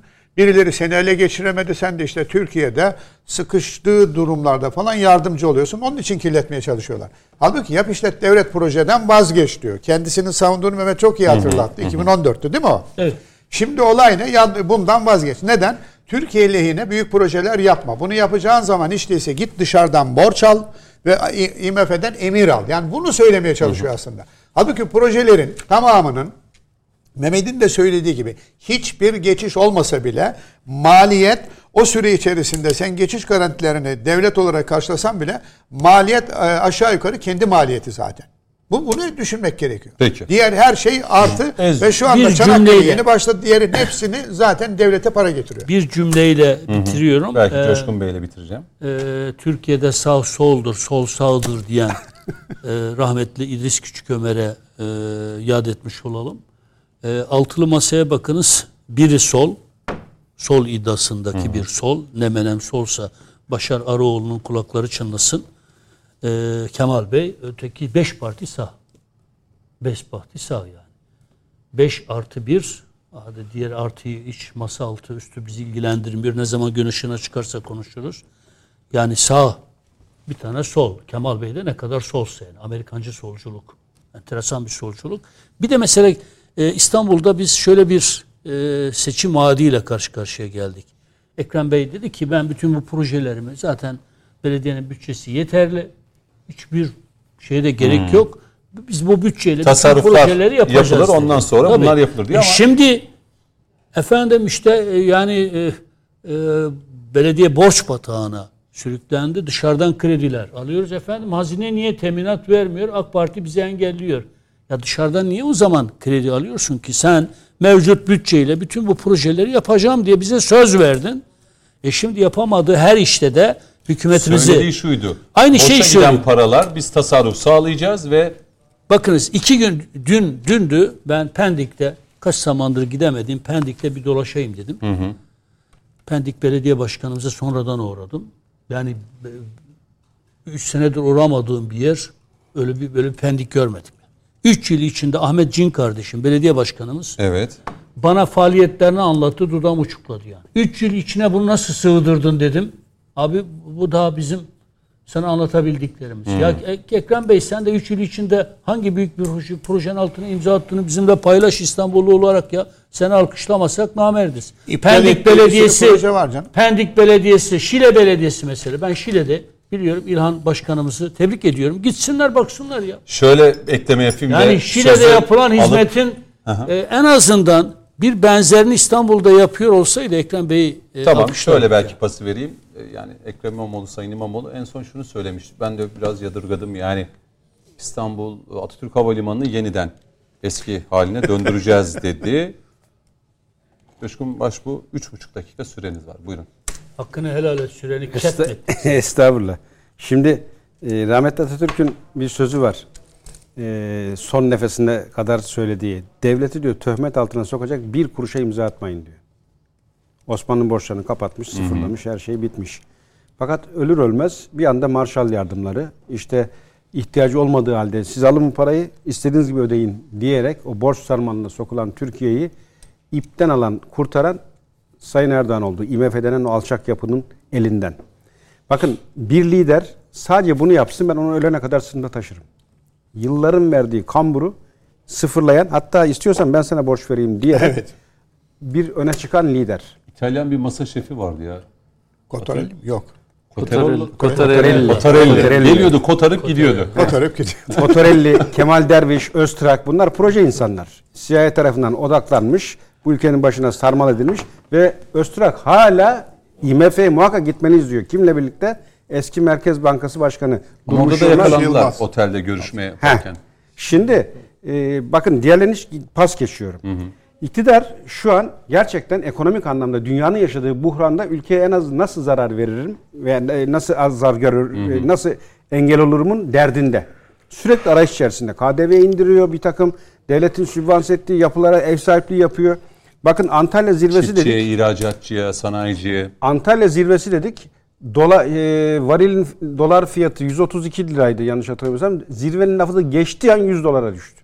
Dünyaya nefes aldırıyoruz. Nefes aldırdık ya. Böyle İkinci zirveyi düşün abi. İki- Nefes aldırdık. Bu bir anda bizim 25 liraya çıkmış. Mazot 18 lira inmeye başladı. Şimdi burada dünyanın yaşadığı bu krizi görmeyelim mi? Ama bir takım unsurlar halen orayı yok sayıp sanki bu iktidarın bir e, marifetiymiş gibi yaftalama peşindeler. Bakın pandemi başlı başına bir travma ekonomik anlamda. Dünya kilitlendi. Ardından yaşadığımız bu savaş. Şimdi bunlarla birlikte yolu bulmaya çalışan bir iktidar. Ve az önce işte e, Boğaz Köprüsü. Ya İzmir'de nokta söylüyorum. Hadi İzmir- onunla bitirin. İzmir'de iki tane cadde birbirine bağlayan bir köprü var. Hazır köprü, bitmiş köprü. Bakımı aldılar. Direkleri Evet, onu- söküldü, boyanacak. 4 aydır tek şerit trafik. O arada biz Çanakkale Boğazı'nı bitirdik. Bir şaka da ben yapayım mı? İstanbul Büyükşehir Belediyesi merkezi yerlerde inşaat başlatmış ki çabucak yapsın bitirsinler de vatandaşın gözüne girsinler. Abi beceri olmadığı için 7-8 aydır İstanbul merkezleri kilitli yapamıyorlar. Şa- şaka değil bu. Ger- bir benim dediğim de ben şaka de değil. Ben avcılarda, Şu avcılardaki cümleyi- çoğu üst geçitin asansörleri viran olmuş durumda. Çalışmıyor. Yani Her Şimdi şey bak şu cümleyi kurarak Her şey bitirelim her geceyi. şey Hadi. Gecenin e, flaşı manşeti olsun. IMF borç veriyor da Türkiye'ye davullar çalıyorduk. IMF'nin bu verdiği borcu sadece şu kalemde harcayacaksın ve şu şirket üzerinden harcayacaksın dediğini biliyor mu millet? İsim anmayacağım. Milleti, milletin milleti o kadar şey, Ha, şey isim- var ki isim- garibanlara affedersin garibanlara IMF'yi çare olarak yutturmaya çalışanlar IMF'nin gelir gelmez maaşları kırptığını, ilk maaşlarını kırptığını, işçiye, köylüye ödenen paraları kırptığını bu millet bilmiyor. Birileri de kandırıp o insanları sizin kendi boyunlarına geçecek ben ilmi de ucundan hazırlamaya yakaladım. Biliyorum da yeni yani 20 Aa, ve bizi üstü. yaşlılar kategorisine soktu yani. Sizin yaş grubunu sizin Problem yok. Biz de yaşlandık. Ekrem abi abimiz oldu. Sayın Metin, biz de bak hepimiz burada aksakallı gibiyiz. Yani. Şimdi e, o Hadi bitirelim. Kimse numara çekmesin. bitiriyorum. IMF'nin verdiği borcu bu kalemde ve bu şirket üzerinden harcayacaksın denilen şirketin ismi anmayacağım. Şu an hani birilerinin yere göğe sığdıramadığı şirketler. Niye o zaman o yapılar yandaş mandaş deyip çıkmıyorlar da her şey güzel olacak arkadaşlar. Mehmet Onlar Metiner çok teşekkür ediyorum. İhsan Aktaş çok teşekkür ederim. Ee, Ekrem Kızıltaş teşekkür ederim. Coşkun Başbuğ teşekkür ederim. teşekkür Programın ederiz. tekrarı bu gece. Biz bitiriyoruz. Buçuk itibariyle sert sorular var değerli izleyenler. Bunu da belirtelim ve önümüzdeki hafta görüşene dek hoşçakalın.